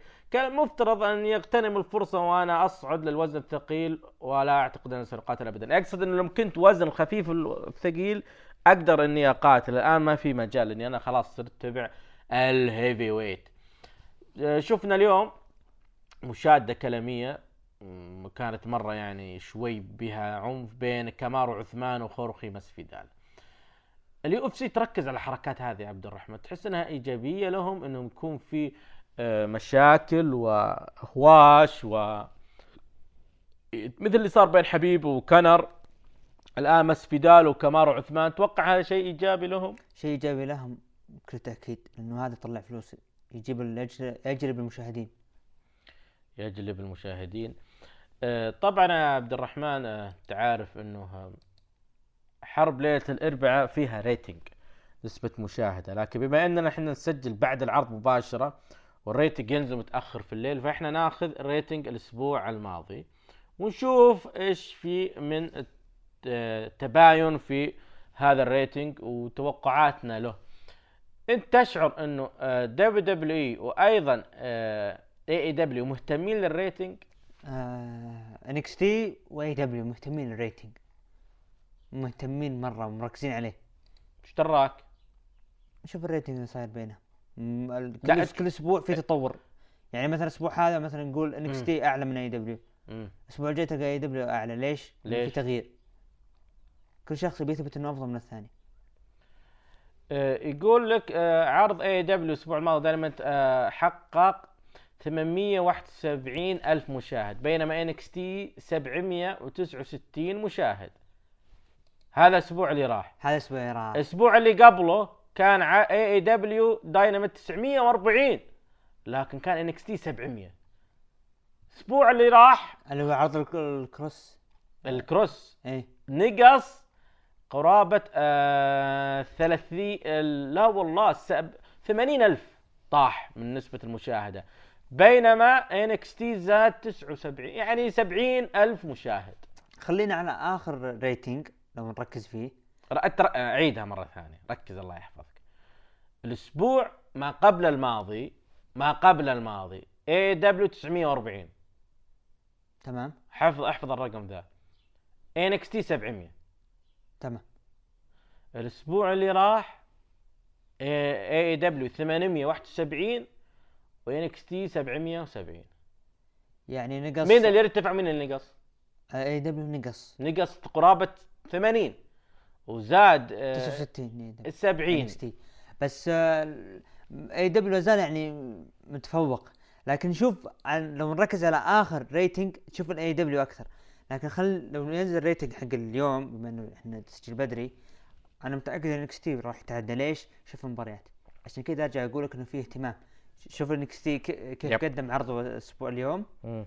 وكذلك AEW راح ينقلب الآن. أتفق معك. AEW كم تعطيه؟ خمسة ونص. أنا أعطيه خمسة. آه، من نجم العرض؟ كريس جيريكو أنا بعد أقول كريس جيريكو. طبعا متابعينا قيموه يعني 7% أعطوه 9 إلى 10 15% أعطوه من 5 ل 8 23% أعطوه أقل من 5 و53% قالوا لم أشاهده. نروح للاستفتاءات. برومو الأسبوع كان معنا بري وايت ايج آه بري وايت في SmackDown ايج في Raw توماسو تشامبا في NXT جون موكسلي كريس جيريكو في AEW Dynamite. أفضل برومو عندك وشو؟ توماسو تشامبا أنا بالنسبة لي أيضا توماسو تشامبا لكن جمهورنا متابعين اختاروا برومو إيج في عرض Raw. برضو يستاهل مباريات الأسبوع عندنا جون موريسون وكوفي كونغستون من عرض SmackDown. بادي ميرفي رولينز ضد سامو جو كيفن اونز من Raw. نهاية بطولة داستي رودز في NXT بين مات ريدل وبيت دن ضد فريق آه، دريك آه، جيمس دريك وزاك جيبسون.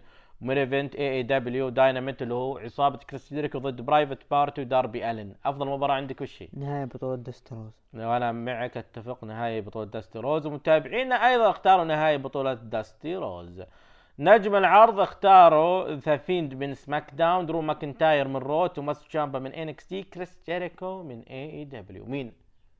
نجمك؟ توماسو تشامبا. أنا أقول درو ماكنتاير. فاز في ال Rumble وسوى شيء حلو في عرض Raw. عرض الأسبوع سماك داون رو إن إكس تي اي دبليو دايناميت انكس تي. إن إكس تي وأنا أيضا أقول NXT. نروح للهاشتاج. آه وسيم يتكلم عن عرض آه ال Royal Rumble يقول عرض جيد جدا مباراة شورتي جي وشيمس كانت حلوة مباراة ولايات رهيبة رومان كوربن جدا جميلة خصوصا التدخلات فيها. آه Rumble نساء تمنيت لو فازت واحدة غير تشارلوت بس عوافي كانت برضو حلوة لقب السيدات للعرضين وحتى لقب Universal متوقع لكن وجهة براين بعد مباراة ما يطمن. أما Rumble الرجال عشرة على عشرة هني اللي كتب المباراة صراحة okay كان في مصارعين مثل كيث لي ريدل تمنيناهم يقعدوا أطول لكن درو يستاهل أخيرا ياخذ فرصته العرض كامل اعطيه ثمانية ونص ثمانية من عشرة. آه، الناس حبت ال- على طاري ال- الناس حبت آه، Royal Rumble إيش رأيك؟ وعطنا. على طاري. يعني ال Rumble يستاهل وقليل المدح. تستاهل الطيب. آه على طاري تشارلوت ما قالوا إنه تطلع الأسبوع هذا مع وما ط- وما طلعت. مش- يعني لا طلعت لا ريا ريبلي ولا بيانكا بالير ولا تشارلوت غريب. ما أدري غريبة أعلنوا. بس ترى اللي أعلن مايك جونسون. يعني ما ما صار في إعلان رسمي من دبليو دبليو اللي اعلن مايك جونسون. ومايك جونسون تكلم إنه في شيء لستينج وما شفنا شيء حتى الان بس ننتظر عرض سماك داون.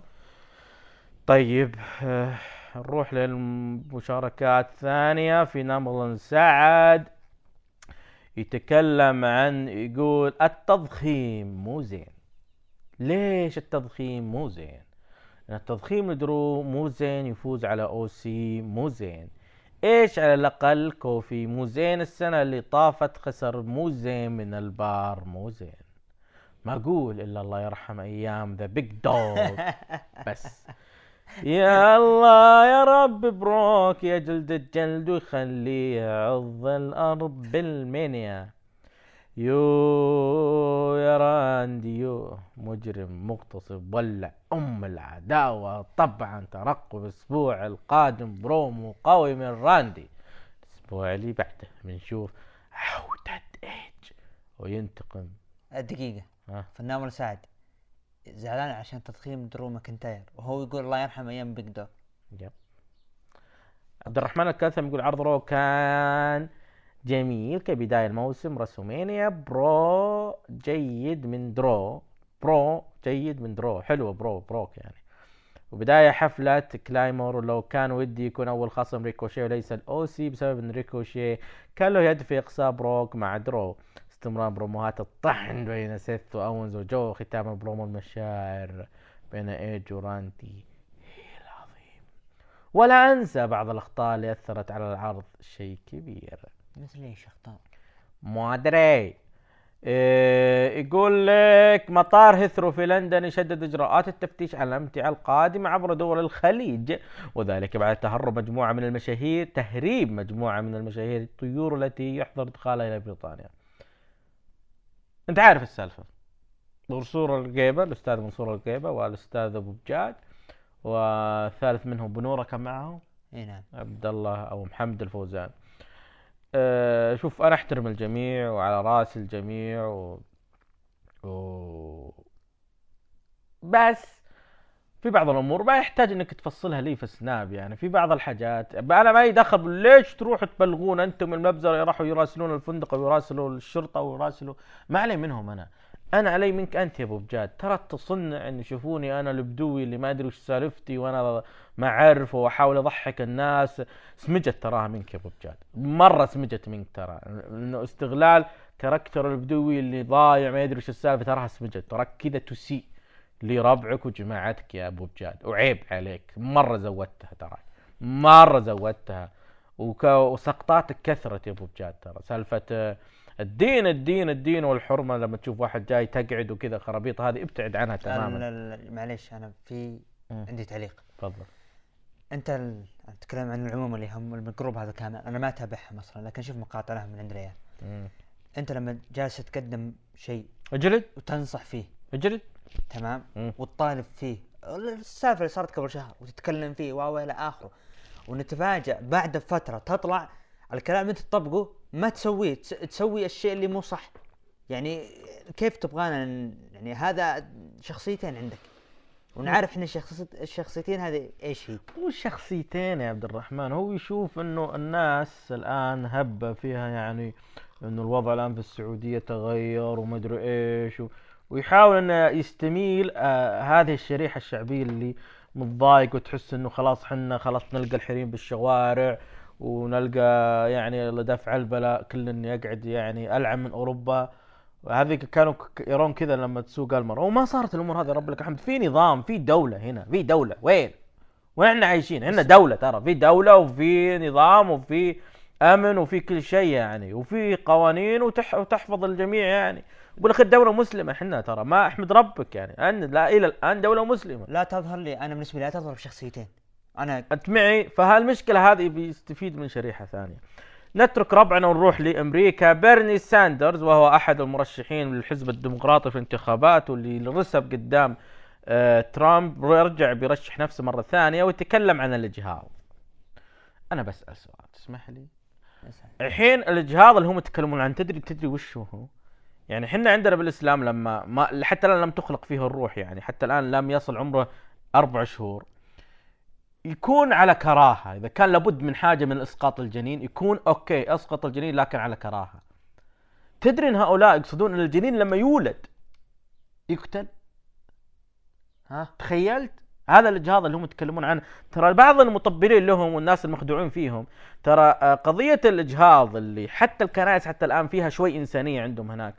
لما تتكلم عن منع الإجهاض القصد مو هو إنه لما شهرين ثلاثة شهور تسقطه لا لا لما تولده تذبحه هذا اللي يقصدون عنه حقوق الاجهاض يعني. فالناس لازم تدري عن القضية هذه.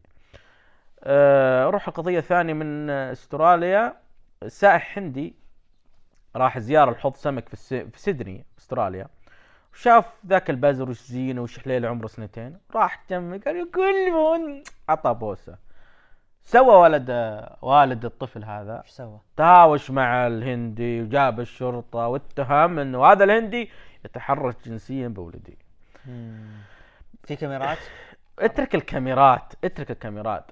في توجس عند الغرب من ناحية التقبيل والقبلات بين ذكر وذكر. مرة كبروا الموضوع يعني يرون هذا اعتداء جنسي. أنت عارف إنه أساسا عند الأمريكان. إذا كان شايب مثلا يمسك يد ولد كذا مسكة عادية. أنت عارف ان هذا يعتبر تحرش عندهم أنت تتحرش في صادق؟ إي والله. معروف هذا عند أمريكا. أنت لما تقرب ما, ما هذول مرضى. مرضى. نروح لخبرنا الأخير. طبعا خبر بيستانس أبو عبد الرحمن. رسميا ولأول مرة الحريم بيشاركون بطولة البلوت. أنا مستانس فيه. اللعبة جابت آه، الصداع وإلى آخره وأنا استانس فيه. فما بالك بالحريم؟ يا ساتر. على طاري الحريم أشكرك عبد الرحمن. قبل ما نروح للمداخلات قلت ليش ما تأخذ المداخلات بدل ما أخذها أنا دحين من علي؟ أنت أفضل مني في المداخلات. لا لا أنت أفضل أنت بعد خذهم في بعض المداخلات يعني جميلة جدا يعني. على العموم نروح لفقرتكم الأسبوعية الممتازة والممتعة المداخلات الهاتفية ونرجع لكم. ونقول ألو من معنا؟ ألو السلام عليكم. سلام يا هلا والله. معكم أخوكم محمد. نعم يا محمد منين؟ أكلمكم من الرياض. أهلين وسهلين الرياض في ذا. الله رب، الله يحييكم. كيف الأجواء عندكم في الرياض؟ نفسنا برد بالقصيم؟ إي والله جدا جدا برد. يقول يمكن يجيكم مطر بعد. إي والله. عن إيش؟ سبحان الله الفترة هذه بس ولا الرياض جوها حار دائم. آه، لا هين بالبرد يعني معروف برد الله لا يوريك أه. يعني بردها برد وحرها حر. اي عن إيش مداخلتك وش تبي تتكلم عن اليوم؟ والله ودي أتكلم عن الرامبل. حلو. الرامبل واللي صار قبل الرامبل. تفضل. يعني بصراحة الرامبل كان عرض جيد بصراحة. مم. بس اللي اللي عابه بالنسبة لي إن العروض اللي قبل الرامبل كانت جدا سيئة. ما آه. يتعلق بالر- بالرو والسماك. صح ال go home كان ضعيف. كانت العروض جدا جدا سيئة. يعني أنا أستغرب يعني عرض كبير مثل كذا يعني المفروض يبنون له صح؟ وتصير فيه أفكار وفي سيناريوهات. يعني أنا كل اللي كنت أشوفه عداوات جانبية مباريات تعبئة وقت. جميل. فأتمنى بصراحة يعني بما إن الحين في طريق الرسلمانيا أتمنى يعني العداوات اللي يسوونها تكون مبتكرة. بشكل جديد بشكل مختلف. ما قد شفناه قبل كذا. أنت شفت عرض رو؟ عرض الرو الحالي هذا؟ إيه اللي بعد الرامبل؟ لا والله ما بعد شفته. آه، لازم تشوف لأن في حاجات حصلت فيه. ممكن إنه تغير وجهة نظرك. رغم إنه الرامبل لو نجي للرامبل يعني تشوف الرامبل ما كان كويس ما كان على قدر التطلعات ما كان يحمس كانطلاقة آه، هو يعتبر انطلاقة الرسمية لموسم الراسلمانيا. ما شفت فيه شيء أبد؟ لا هو العرض بنفسه كان جيد. حلو. بس اللي سبق العرض يعني الواحد كان داخل ويقول الله يستر. يعني خوف إنهم يحوقونها زي ما سووا في العروض اللي قبلها. يحقونها لا، بس بصراحة. بس يحقونها لحبايبنا المستمعين اللي من مناطق يخربونها يعني. يخربونها يحسونها. يعني. زي مثلا اللي صار اللي صار نهاية المباراة الغريبة. لا شفته أنا. شيء مو كويس. أي.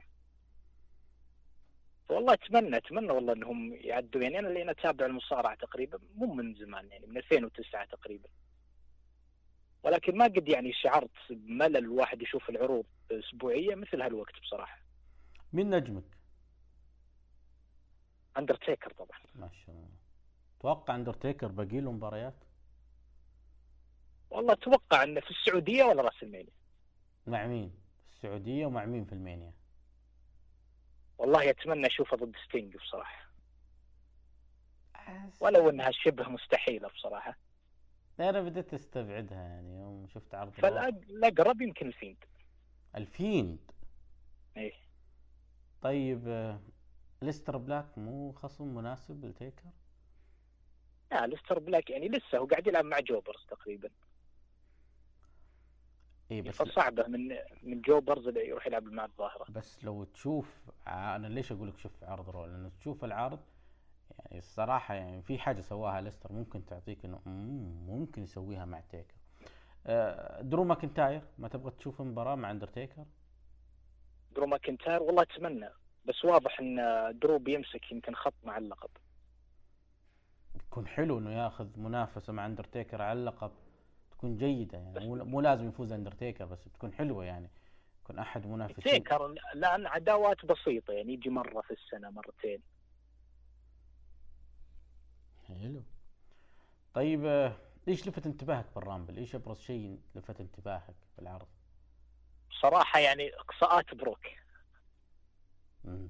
يعني إقصاء- إقصاءات 13. بروك كانت كانت جدا غريبة يعني الواحد وهو يتفرج يقول يعني معقولة يعني ال Rumble بالعادة تمتلي الحلبة.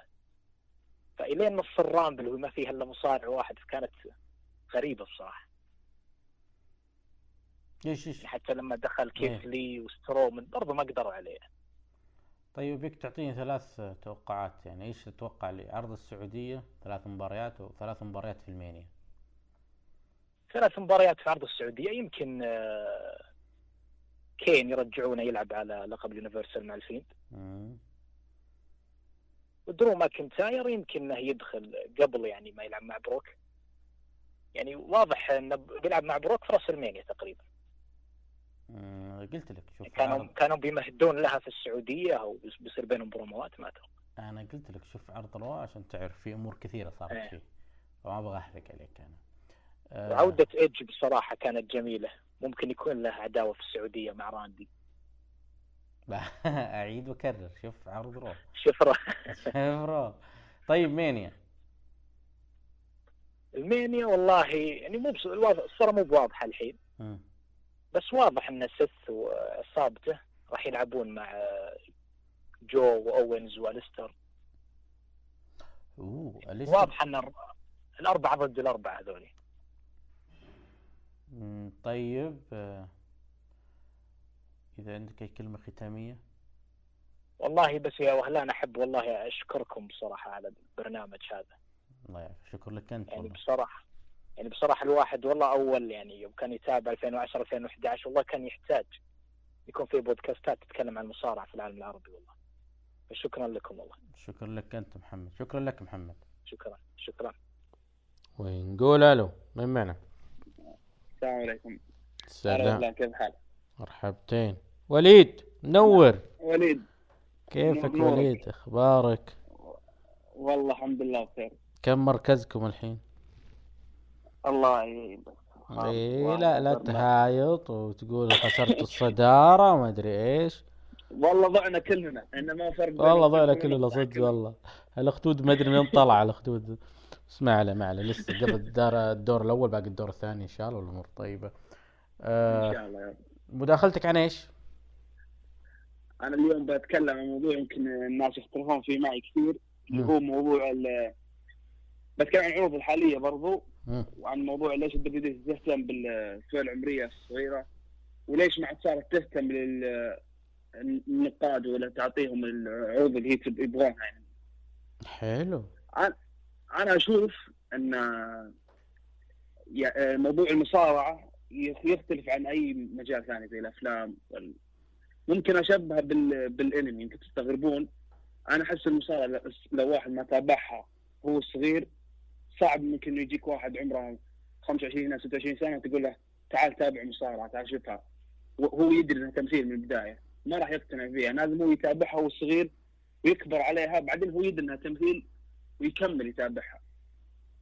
أحس ان إن الحين يمكن يمكن تعرفون أنت تتكلم خويك ولا أي أحد ما يتابع مصارعة؟ تقول تعال مصارعة يضحك عليك ما راح يتابعها. لأن هي لازم تكون تبدأ معك من الصغر. فأنا أشوف لما دبليو تهتم بالصغار وان وإن تعطيهم المنتج هم يحبونه اي اي أي شيء ممكن super hero أي شخصية ممكن تشوفها تجذبهم. آه آه شيء فهمتك. عشان بس تتضح للمستمعين.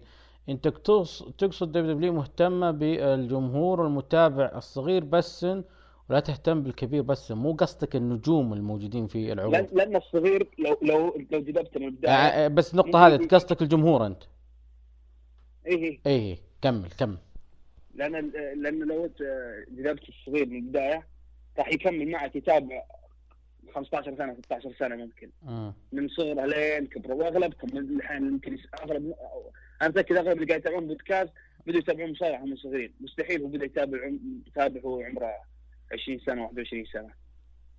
لأن هي المصارعة ناس تكبر معك وهي صغر. يمكن كنت أشبهها بالإنمي لأن الإنمي نفس الشيء. إذا أنت الحين زي, أغلبنا الحين يمكن يمكن سلطان تواجه نفس المشكلة لما يجي واحد ينصحك بالانمي تعال شوف إنمي تعال ما تقدر تخش معها لانك انت ما ما ما بديت معها من الصغر صعب إنك تيجي تقتنع انك تناظر إنمي الحين. وانت عمرك متأخر يعني تيجي تشوف انمي ولا تتابع معهم ولا تتحمس معهم. لا أنت هذا فهم- هذا فهمت وجهة نظرك هذا إنه آه وهذا أكيد مو مو بس نقطة إنه تخليه متابع يستمر يتابع معك هو يعني لو ت يعني آه، في أحد أفراد أو كثير من أفراد عائلتي يعني رجال أعمال وكذا وسيدات أعمال فالطفل والمرأة يعني هم المسوق هو اللي يشتري هو اللي يدفع. الطفل والمرأة. لذلك تركيز الدب دبليو على الأطفال والسن ال- الصغير أو ال- ال- بهالفئة العمرية هذه الصغيرة هو تفكير آه، تجاري وتفكير تسويقي بحت يعني. لا مو قصد إنه قصص إنها تناسب الصغار ولا لا. لذلك وبالأخير أكيد القصص لازم تناسبهم ان هم اللي بتبيع عليهم أصلا. ترى عندي بس ترى إنك تقدم منتج يعني الناس يشوفون انك تقدم منتج تجاري إنه شيء سهل. أنا بالنسبة لي أشوف إنك تقدم منتج تجاري يجذب الناس ويشترونه أصعب بكثير إنك تقدم منتج يعجب النقاد. صح. أقرب مثال اي اي دبليو بالراحة يسوون عرض يعجب نقادهم ولا اللي يحبونه.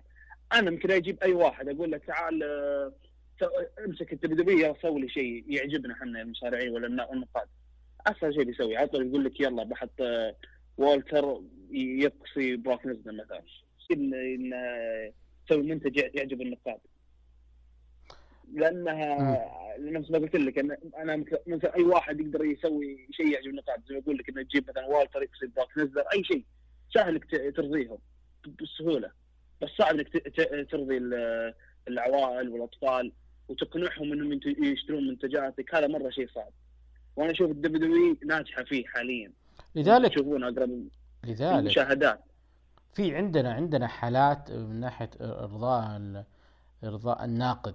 يعني أنا أقدم محتوى يرضي الناقد. بغض النظر هذا هذا محتوى يجيبني فلوس ولا لا. في تجربة اسمها Lucha Underground يعني كان أنا أسميها الثورة الحقيقية في عالم المصارعة. للأسف ما ما قدرت تكمل الموسم الثالث. يلا سووه الموسم الثالث والموسم الرابع والى آخره. لأنه منتج مرهق ماديا عليهم وما في عوائد. فال WW آه، أتفق معك إنه اهتمامها كله بالفلوس. أي فكرة تجيب لي فلوس أنا أشتغل عليها. رجعت إيدج رغم إنه معتزل لتسع سنوات لكنه إيدج قادر يجيب لي فلوس ما عندي مشكلة. استمريت على الدفع برومان رينز سنوات إنه يجيب لي فلوس. جون سينا سنوات هو متصدر الواجهة لإنه يجيب لي فلوس. في اللحظه اللي ما يجيب لي فلوس ما راح إني ألتفت عليه. آه، أيضا نجي لل rating SmackDown. يعني قصص ما حد حاب عرض SmackDown لكن بالأخير ال WW راضية Fox راضية لأنه في rating في نسبة مشاهدة تعتبر تاريخية لعرض SmackDown. ما كنت وصل للأرقام هذه من ناحية المشاهدة على التلفزيون. نتكلم عن مليونين ومليونين ونص. لذلك نعم أتفق معك. يعني في بعض الأمور ممكن ما ترضي النقاد أو ما ترضي المحللين أو ما ترضي كبار آه، لو فئة عمرية كبيرة يحبون المصارعة لكن بالأخير مو هو المستهدف المستهدف فئه ثانية لكن هذا هذه النقطة اللي وصل. إحنا قلنا ان إنك تسوي منتج نقادي أسهل بس الشيء الصعب واللي ناس أنا أشوف صعب إنك تضبطه إنك ترضي الطرفين. صح. إنك تضرب العصفورين بحجر هذه الدبليو بسنوات سوتها. سوتها بسنوات يمكن أكثر. أنا ما أذكر ما أقدر أحدد بسنوات بس في مرات أسوي حققت ارباح وبرضه ارضت النقاط. واغلبها يعني عروض عروض رسميه كثيرة في كم عرض شهري ترضي ترضي الطرفين وتسوي أهداف الاثنين أنا أشوف هذا هذا التحدي الصعب. النقطة الثانية؟ ال W أنا أشوف إنها كويسة. النقطة الثانية اللي عندي اللي هي الحين اللي ال W قاعد تحاول هي ما أدري أشوف إن عندهم محاولات إنها تطرح القضايا المجتمعية اللي عندهم في أمريكا. وحنا معروف إن يمكن لو واحد يتابع مسلسلات ولا أفلام يعرف أكثر القضايا حق يحاولوا يطرحونها اللي هي المرأة والقضايا الشذوذ والتنمر. هذه الثلاث. هذه دائما هم الحين أمريكا أي أي فيلم أي حتى حين في المصارعة قاعد يحاولون يسوونها هذه القضايا الثلاث يحاولوا يحاولون بس المصارعه حتى الحين مو بعارف تطبقها وأنا أتمنى إنه ما ما يتدخلون فيها. لأن هذا الشيء لما تعتبر أول شيء التنمر يناقض يناقض يناقضهم هم. لا لا شوف شوف. ليه ما تعتبر إنه مواكبه للواقع إنك تجيب قضايا معاصرة قضايا حالية رغم إنه WW يحس إنها لما تصل لمرحلة آه، مرحلة الميول المختلف جنسيا تحاول إنها ما تدخل كثير في المنطقة هذه. آه، أما من ناحية ال women's يعني بالعكس أشوف إنهم زودوها كثير يعني. لا ننسى ثورة النساء اللي سووها لهم سنتين الآن والأخير فشلت. إنه بالأخير هذا pro wrestling يعني ما له دخل يعني. لكن آه، قضية التنمر برضو. قاعد قاعد يحاولوا يسوونها مع شرط جي. هذا شرط جي؟ ما أدري إيش سووا ولاحظ انها تتكرر كثير التنمر يعني. كل فترة يغيرون المصارعين يغيرون اللي تنمر مين؟ يعني كنت شفناها في برون سترومان كنت شفناها براك ليزنر كنت شفناها بأكثر من شخصية يعني تروح وترجع نفس. نفس الموضوع. بس آه أنت تقصد إنه دب دبليو حتى الآن مو قادر تطلعه بشكل جدا. القصص هذه اللي هي مواكبة للعصر أو مواكبة للواقع أو مواكبة للمجتمع WWE ما نجحت في تقديمها في العروض؟ لأن WWE هي ما هي هي ما همها تنجح ولا ما تنجح. هي ترضي الإعلام اللي حولها ما أحس زي كذا فقط. ولا هي لو تبي تنجح فيها قدرت تسويها. يعني زي هم حطوا آه، جهدهم في قصة ال women زي ما قلت أنت قدروا ينجحون فيها. بس التنمر والشذوذ حاطينها بس عشان يرضون الإعلام اللي حولهم ويسكتونهم. ولا هم لو يبغوا ينجحون فيها قدروا ينجحون فيها بالراحة يعني سهلة. يعني بس هم يمثلونها يعني زي شورتي جي كينج King of the Ring حاطين كانوا يتنمروا عليه بيصير بيصير بعدين يقطعونها. بعدين لا حسوا عندهم ضغط ولا شيء قاموا يلا رجعوها. هم مركزين فيها. وانت عارف الإعلام الامريكي يضخم يكبر بعض المواضيع رغم إنها مواضيع عادية جدا يعني. صحيح هذه هذا هذا اللي قاعد نعالج فيه مو بس في المساء حتى في يمكن أنت سلطان تتابع أفلام وذا مسلسلات. أغلب المسلسلات والأفلام الحين قاعد تنزل في 2019 2020 كلها لازم أي فيلم يحطون ذي الثلاث الأشياء هذه. عشان بس يسكتون الإعلام اللي حولهم. أنا أشوف هذا قاعد تضر وتخرب والله. جميل مداخلاتك ال... في حاجة مختلفة مداخلاتك دايم كل مداخلة أفضل من اللي قبلها. أي أي كلمة ختامية يا وليد؟ لا بد شكرا ما قصرت يعطيك العافية. شكرا لك أنت وليد. ونقول ألو من معنا؟ ألو. ألو السلام. سلام يا هلا. ألو؟ نعم من معنا؟ معك هاشم من الكويت. هلا. أبو علي. منورنا. هلا فيك. يا مرحبا. يا هلا يا هلا. شوف أبو علي إحنا بودكاستنا إيجابي. هلا- هلا دقيقة- نواف، شلونك؟ دقيقة إحنا بودكاستنا إيجابي. فأي حلطمة سلبية ما أبي أرجوك. إن شاء الله. ولا بالعكس أنا عندي ما عندي إلا الإيجابية معك وطبعا أول شيء أحب أبارك لك على البرنامج الجديد وإن شاء الله إن شاء الله يوفقك. الله يوفقك فيه ويوفق الاستاف اللي معاك وأخوي عبد الرحمن الصوت متألق. وان شاء الله عسى الله يوفقكم مع بعض. وإن شاء الله آه، آه، تقدم الأحسن إن شاء الله. طيب آه ما دقيقة. مخرجنا دحيم العلي يقول وأنا بعد. معي هاشم؟ صوتك بعيد. أقول مخرجنا دحيم العلي يقول وأنا بعد. ليش عبد الرحمن بس؟ وبعد أخوي تحيم بعد ما يقصر الله يعطيه الصحة والعافية. وش بتتكلم عنه يا هاشم؟ عن إيش اليوم؟ يا هلا بك أه ماكو أول شيء حبيت أه أخ- آه، أتكلم عن موضوع رأي رامبل اليوم. أه طبعا آه، اليوم شفت أمس آه، شفنا حدث كبير وحدث يعني ضخم. أنا كنت آه، بالبداية كنت أبي أكلمك وكنت صدق آه، كان عندي وايد نظرة سوداوية ونظرة يعني كلش سامية على الأرض. بس الحمد لله إني أنا شوي قلت خلت أ- خل أجل الاتصال لبعد الرويال رامبل يمكن نشوف شيء جديد أو شيء يعني يثلج الصدر. بس الحمد لله يعني أنا بالنسبة لي ان شفت عرض آه، ممتاز آه، مميز آه، صراحة عجبني آه، كل اللقاءات كانت مميزة وجميلة وخاصة Main Event اللي صراحة يعني استمتعنا استمتعنا بكل دقيقة بكل لحظة موجودة في ال event خاصة آه، فوز درو ماكنتاير اللي صراحة كان جدار يستحق يعني بمعنى الكلمة وتألق بروك ليزنر ويعني شفنا لمحات جميله جميلة جدا. وهم بعد في شغلة أنا يعني كلمتك فيها يا أبو نواف على بخصوص بري وايت صح؟ Yep. تذكر. يلا ننطلق فيه قول. انطلق فيها.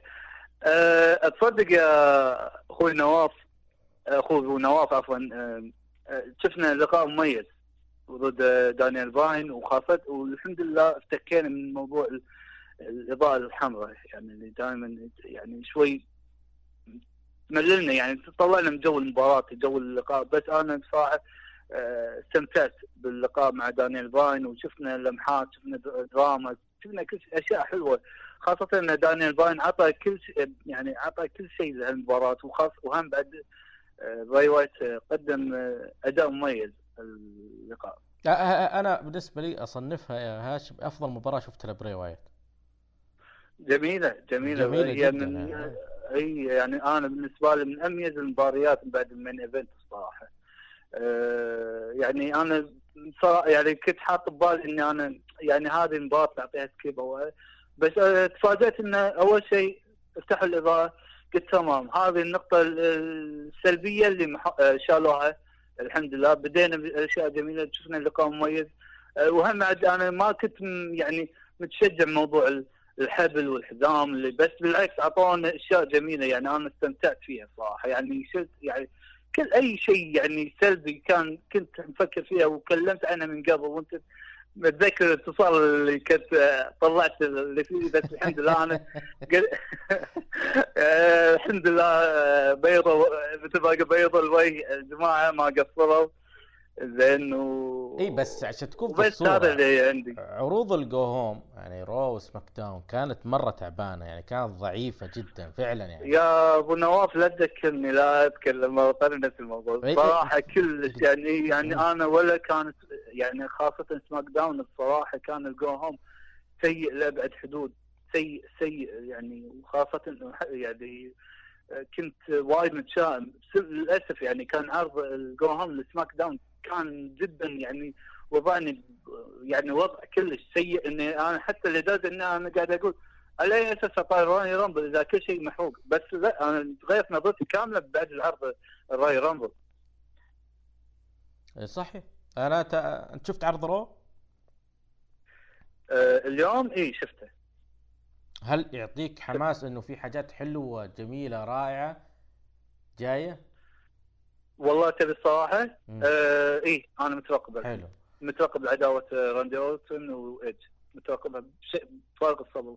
وأتمنى تصل لرسلمانيا صراحة طيب آه، أعلنوا بالرامبل انه في عرض بالسعودية ب 27 فبراير. يكون في الرياض استاد الملك فهد.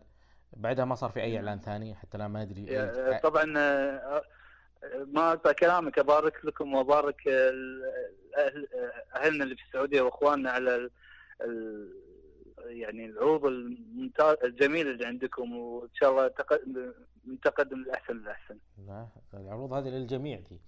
وأكيد. وتظل إنه الكويت كانت هي البداية بوجود هذه العروض في التسعينات. ويكفي. يكفي إنه بريت هارت يعني كان موجود ولبس الغتره هذه ما أنساها. إي نعم. صحيح. آه، إي نعم صحيح. التوقعاتك عرض السعودية هل فعلا بيصير في مباريات قوية؟ أنت كذا تحس في مباريات ممكن تصير فيه تحديدا أنه ما في إلا هو الوحيد في فبراير وبالطريق إلى ألمانيا والله أنا دائما يعني شوف الأمانة مو المجامله ولا إني أنا أتك... يعني أنا ماكو عرض السعوديه ما خاب ظني فيه دائما العروض السعودية طبعا دائما جميلة يعني أنا ما يعني أت... يعني أتوقع ما أتوقع إنه. يعني بالعكس أتوقع كل شيء جميل فيه. وش المباريات اللي أتوقع في تتوقعها؟ مباريات خل... آه... الأمانة ما يحضرني الحين ما ما رتبت لسه بس يعني أتوقع آه، إندرادي راح يواجه إندرادي وقف شهر وقف اندرادي والله ما أدري. والله وقف أنا ما عين ادري لقوا عينة إيجابية الظاهر بعد الرامبل أكل حاجة عشان شارلوت يحتفلون. ما أدري والله أنا أحط آه، حطيت في بالي شيء بس قلت خليني اشفر شوي. الظاهر كسر النوعية هذه. للأسف للأسف يعني كان يعني عشان لا، لا، خلاص. آه، و- الظاهر شغلت يبي لها شغل وايد اي يا اي اي شارلوت على كلامنا عندنا. فرس. طيب آه، توقع إيدج بكل مباراة بعرض السعودية؟ والله أنا ما والله ما أقدر أتوقع ما أدري والله شنو يعني لازم ننطر شوية أنا من ناحية ما أدري. هو ما أعلنوا شيء في عرض رو ما جابوا طاري ابدا ان في عرض بيكون في السعودية مسكتين تماما إيه. فما أدري إيش فيه. أنا حاولت يعني أستقصي من مصادري يعني حتى الآن ما في إلا بس الإعلان اللي صار في الرامبل. أي شيء جديد بيعلن عنه. ما في شيء جديد فالظاهر إنه مستمر عرض بيكون في الرياض. أتوقع الإعلان الرسمي أو تحديد مباريات تنطلق في سماك داون يعني من سماك داون عرض الجاي بيتم فيه إعلان المباريات. نترقب إي إن شاء الله نترقب ليش لا؟ إحنا أنا من ناحيتي يعني ما يعني أنا يعني أنا أقول يعني أتوقع يعني آه أنا كذا يعني أنا بس اللي الشغلة الوحيدة اللي متوقع اللي أتمناها تكون عرض ال- اللقاء عفوا بين إيدج وراندي أورتن تكون في راسلمانيا يعني هذا اللي أنا أتمناه بس بس عرض السعودية بصراحه آه، ما دريت فت... تو تو اليوم أو يعني قريب ما ما للحين ما لا لا الحين إلى. الآن هو الإعلان الوحيد اللي صار في الرامبل. إيه، آه طيب. شيء هاشم. أنا جدا سعيد بمشاركتك معنا وشخص أتشرف وأفتخر بمعرفتي فيه إذا عندك أي كلمة ختامية لهذه المداخلة. حبيبي الله يوفقك إن شاء الله ويوفق الجميع إن شاء الله وإن شاء الله تقدم أحسن لأحسن. بإذن الله. شكرا لك هاشم. حبيبي مشكور. ونقول ألو. السلام عليكم معاك فارس من جديد. أهلا وسهلا فارس. طمنا طمنا على الربيعي. الربيعي الحمد لله وقع عقد جديد مع الأهلي أربع مواسم. yes yes. yes yes كاخذي هذه الأخبار اللي نبيها حنا نفتتح. أها ادينا ادينا اللي عندك هات. الناس كلها تترقبك اسبوعيا إيش عندك؟ أول شيء راح نتكلم فقط عن الرامبل. أول شيء يعني نبدأ من ال kick off. مباراة شيمس وتشاد جيبل. عشان لا اكذب أنا ما شفت ابدا. ولكن فوز شيمس شيء كويس. والمفروض نشوف شيمس الفترة المقبلة مم. يدخل على الألقاب. ودي تصير مباراة على لقب الدبليو دبليو اللي هو مو الدبليو دبليو اليونيفرسال في ال Elimination Chamber وممكن شيمس يشارك فيها. يعني يرجع على الدور القديم يعني إنه مع ال main eventer بس ما هو main eventer يعني. أيوه لين مثلا راسلمينيا ياخذ لحظة ويفوز بالقارات لأنه ما قد حقق القارات. ولو جابه بيصير Grand Slam. طيب ما تبي يرجع هو سيزارو فئة ال tag teams في سماك داون تعاني. لا والله شوف في حاليا جون موريسون وذا راح يكونون موجودين الفترة الجاية مع النيو داي وعندك آه، الأوسوس. ف وأيضا ممكن دولف زيجلر وبوبي رود. فانا أشوف آه، ما يحتاجونهم. حلو. المباراة اللي بعدها؟ أندرادي وهمبرتو كاريو مباراة ممتعة الصراحة استمتعت فيها شفتها كاملة. فوز أندرادي فوز مستحق لكن المشكلة الآن في عقوبة رسمية حسب ما سمعت راح يغيب 30 يوم. فما أدري إذا راح يتم تجريده من اللقب ولا لا. ما راح يجرد من اللقب يعني ما جردوا رومان رينز يجردون أندرادي. طيب آه، العرض الشهري القادم يعني بعد 30 يوم صح ولا؟ يب. بس- بيلحق بيلحق. بس لا ما راح يلحق لأنه ب 28 يناير. إحنا كم الحين؟ إحنا الحين 28 يناير. 28 تبدأ العقوبة 29 يناير فراحت عليه. لا العرض قبل. عرض السعودية 27 فبراير.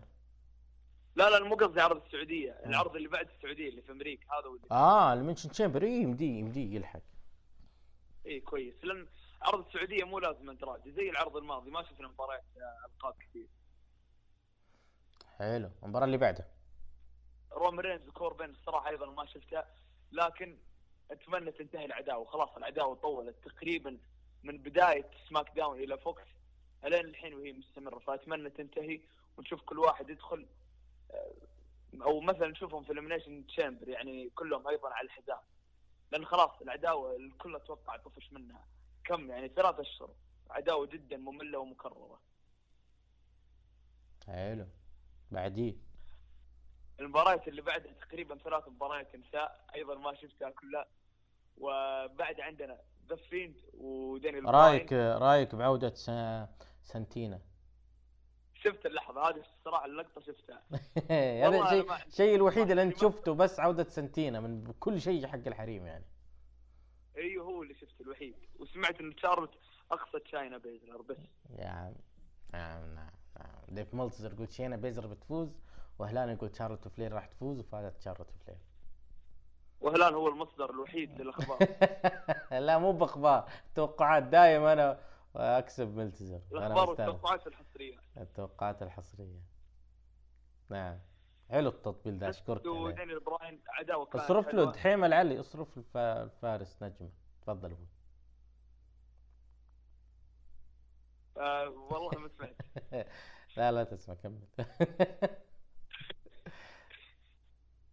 لكن المهم نهاية العداوة أتمنى خلاص يعني تنتهي أيضا ذا فيند وديل براين. ودنا نشوف عداوات جديدة في كل العروض حاليا. وش بالخلاص. توقع نكست فور داني براين وش مين؟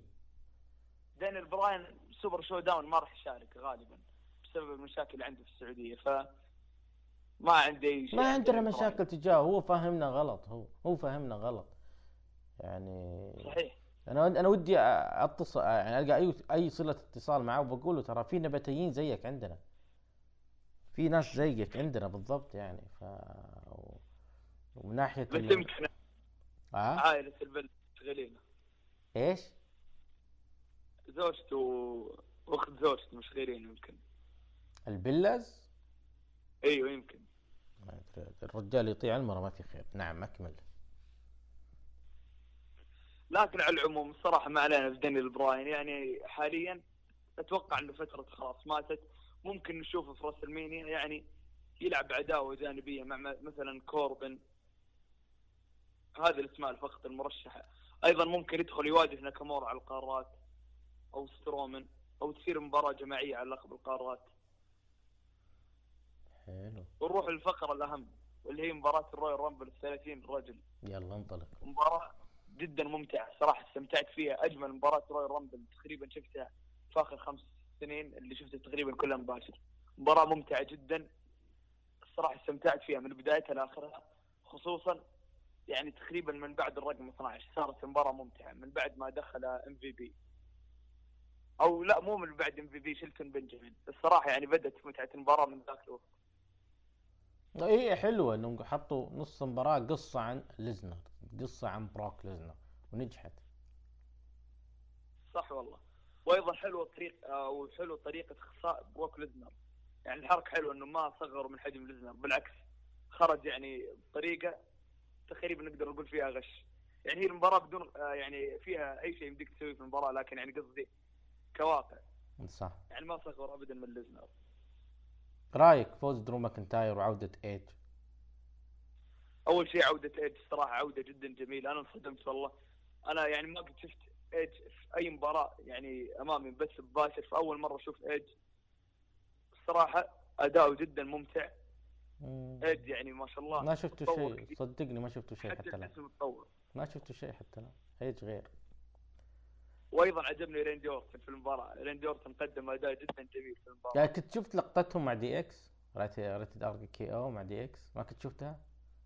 لا والله الصراحة ما قد شفت ما كنت شفت عداواتهم مع ريك فلير ورودي بايبر ابدا ما شفت أي حقيقه إيه، س- سنوات جميلة كان آه، درو ماكنتاير بطل Royal Rumble 2020 رأيك؟ أول شيء هذا توقعي كان درو ماكنتاير. مم، صحيح. وهو اللي يستاهلها. صراحة درو ماكنتاير يستاهلها وشخصا ظلم كثير. يعني في السنتين الماضية كان يساعد دولف زيجلر وبعدها دخل مع كوربن ولاشلي. بصراحة انظلم كثير ماكنتاير فالحين أخذ فرصته أخيرا وبإذن الله في ال Mania بيجرد بروك ليزنر ويحقق لقب العالم إن شاء الله. تقييمك للعرض وأفضل ثلاثة. لا أفضل أربعة عطني أفضل أربعة. أفضل أربعة. تقييم العرض أول شيء تسعة من عشرة. مم. بعدها صحيح. أفضل أربعة عندك درو- ماكنتاير. ماكنتاير.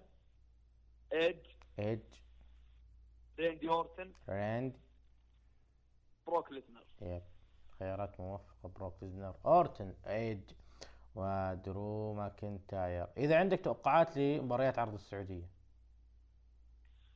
تقريبا يعني ثلاث توقعات ممكن أعطيك إياها. أول شيء أول شيء. عندنا ممكن أتوقع إنه لقب العالم نشوف مباراة بين ليزنر وكين فلاسكيز. ما أدري أحس في rematch بينهم. أنا قلتها وأقولها الحين توقعي بروك ليزنر ريكوشي طيب ثاني مباراة. حلوة. حلوة لو صارت الصراحة. ثاني مباراة. آه ثاني مباراة. عندك آه، على لقب القارات ناكامورا ضد براون سترومان وراح نشوف بطل جديد. سترومان يتوج. آه... ثالث مباراة. مباراة شوارع رومن رينز وال Usos ضد بارن كوربن ودولف زيجلر وروبرت رود. يو لطيف شوارع. يو. طيب. وممكن آخر يعني عندك مباراة رابعة أخيرة واللي هي The Miz وجون موريسون ضد ال New Day على لقب ال tag teams فعلا ممكن تصير عندنا في السعودية. طيب آه، توقع أورتن ايج بتصير عندنا ولا بيخلونها Mania؟ لا أنا أتوقع إنها بتصير عندنا. أتوقع ايج في ال Mania راح يدخل مع سيث رولينز. wow. وبيكي مع بيث فينيكس. آه آخر شيء. في ستينج تيكر ولا ما في؟ من الآخر. والله ما أتوقع. أتوقع ال Fiend راح يلعب مع كين. صعب اندرتيكر ستينج ستينج مو ال Fiend. ستينج ستينج أنا سمعتها غلط ستينج والله ممكن كل شيء ممكن الصراحة. بعد عودة ايج وعودة دانيال براين عودة كثير مصارعين من الاعتزال فما في شيء مستحيل ابدا. والمباراة واحدة أكيد ما راح يرفض ستينج ابدا. بس القرار بيد W أصلا ستينج هو اللي ودي يلعب المباراة. ودنا نشوفها والله في السعودية. بس توقعي الصراحة ما أتوقع تصير إذا عندك أي كلمة ختامية يا فارس؟ لا لا خلاص. شكرا حلقه جميله جدا. وبالتوفيق للمستمعين وبالتوفيق لكم شكرا لك أنت فارس. وصلنا لختام الحلقة. عبد الرحمن أي كلمة ختامية؟ الله يعطيك ألف عافية وإن شاء الله حلقة ممتعة للجميع. إن شاء الله تكونوا استمتعتوا معنا. أنا وباريستا عبد الرحمن دحيم العلي نحييكم ونقول لكم دمتم بود موعدنا الأسبوع القادم.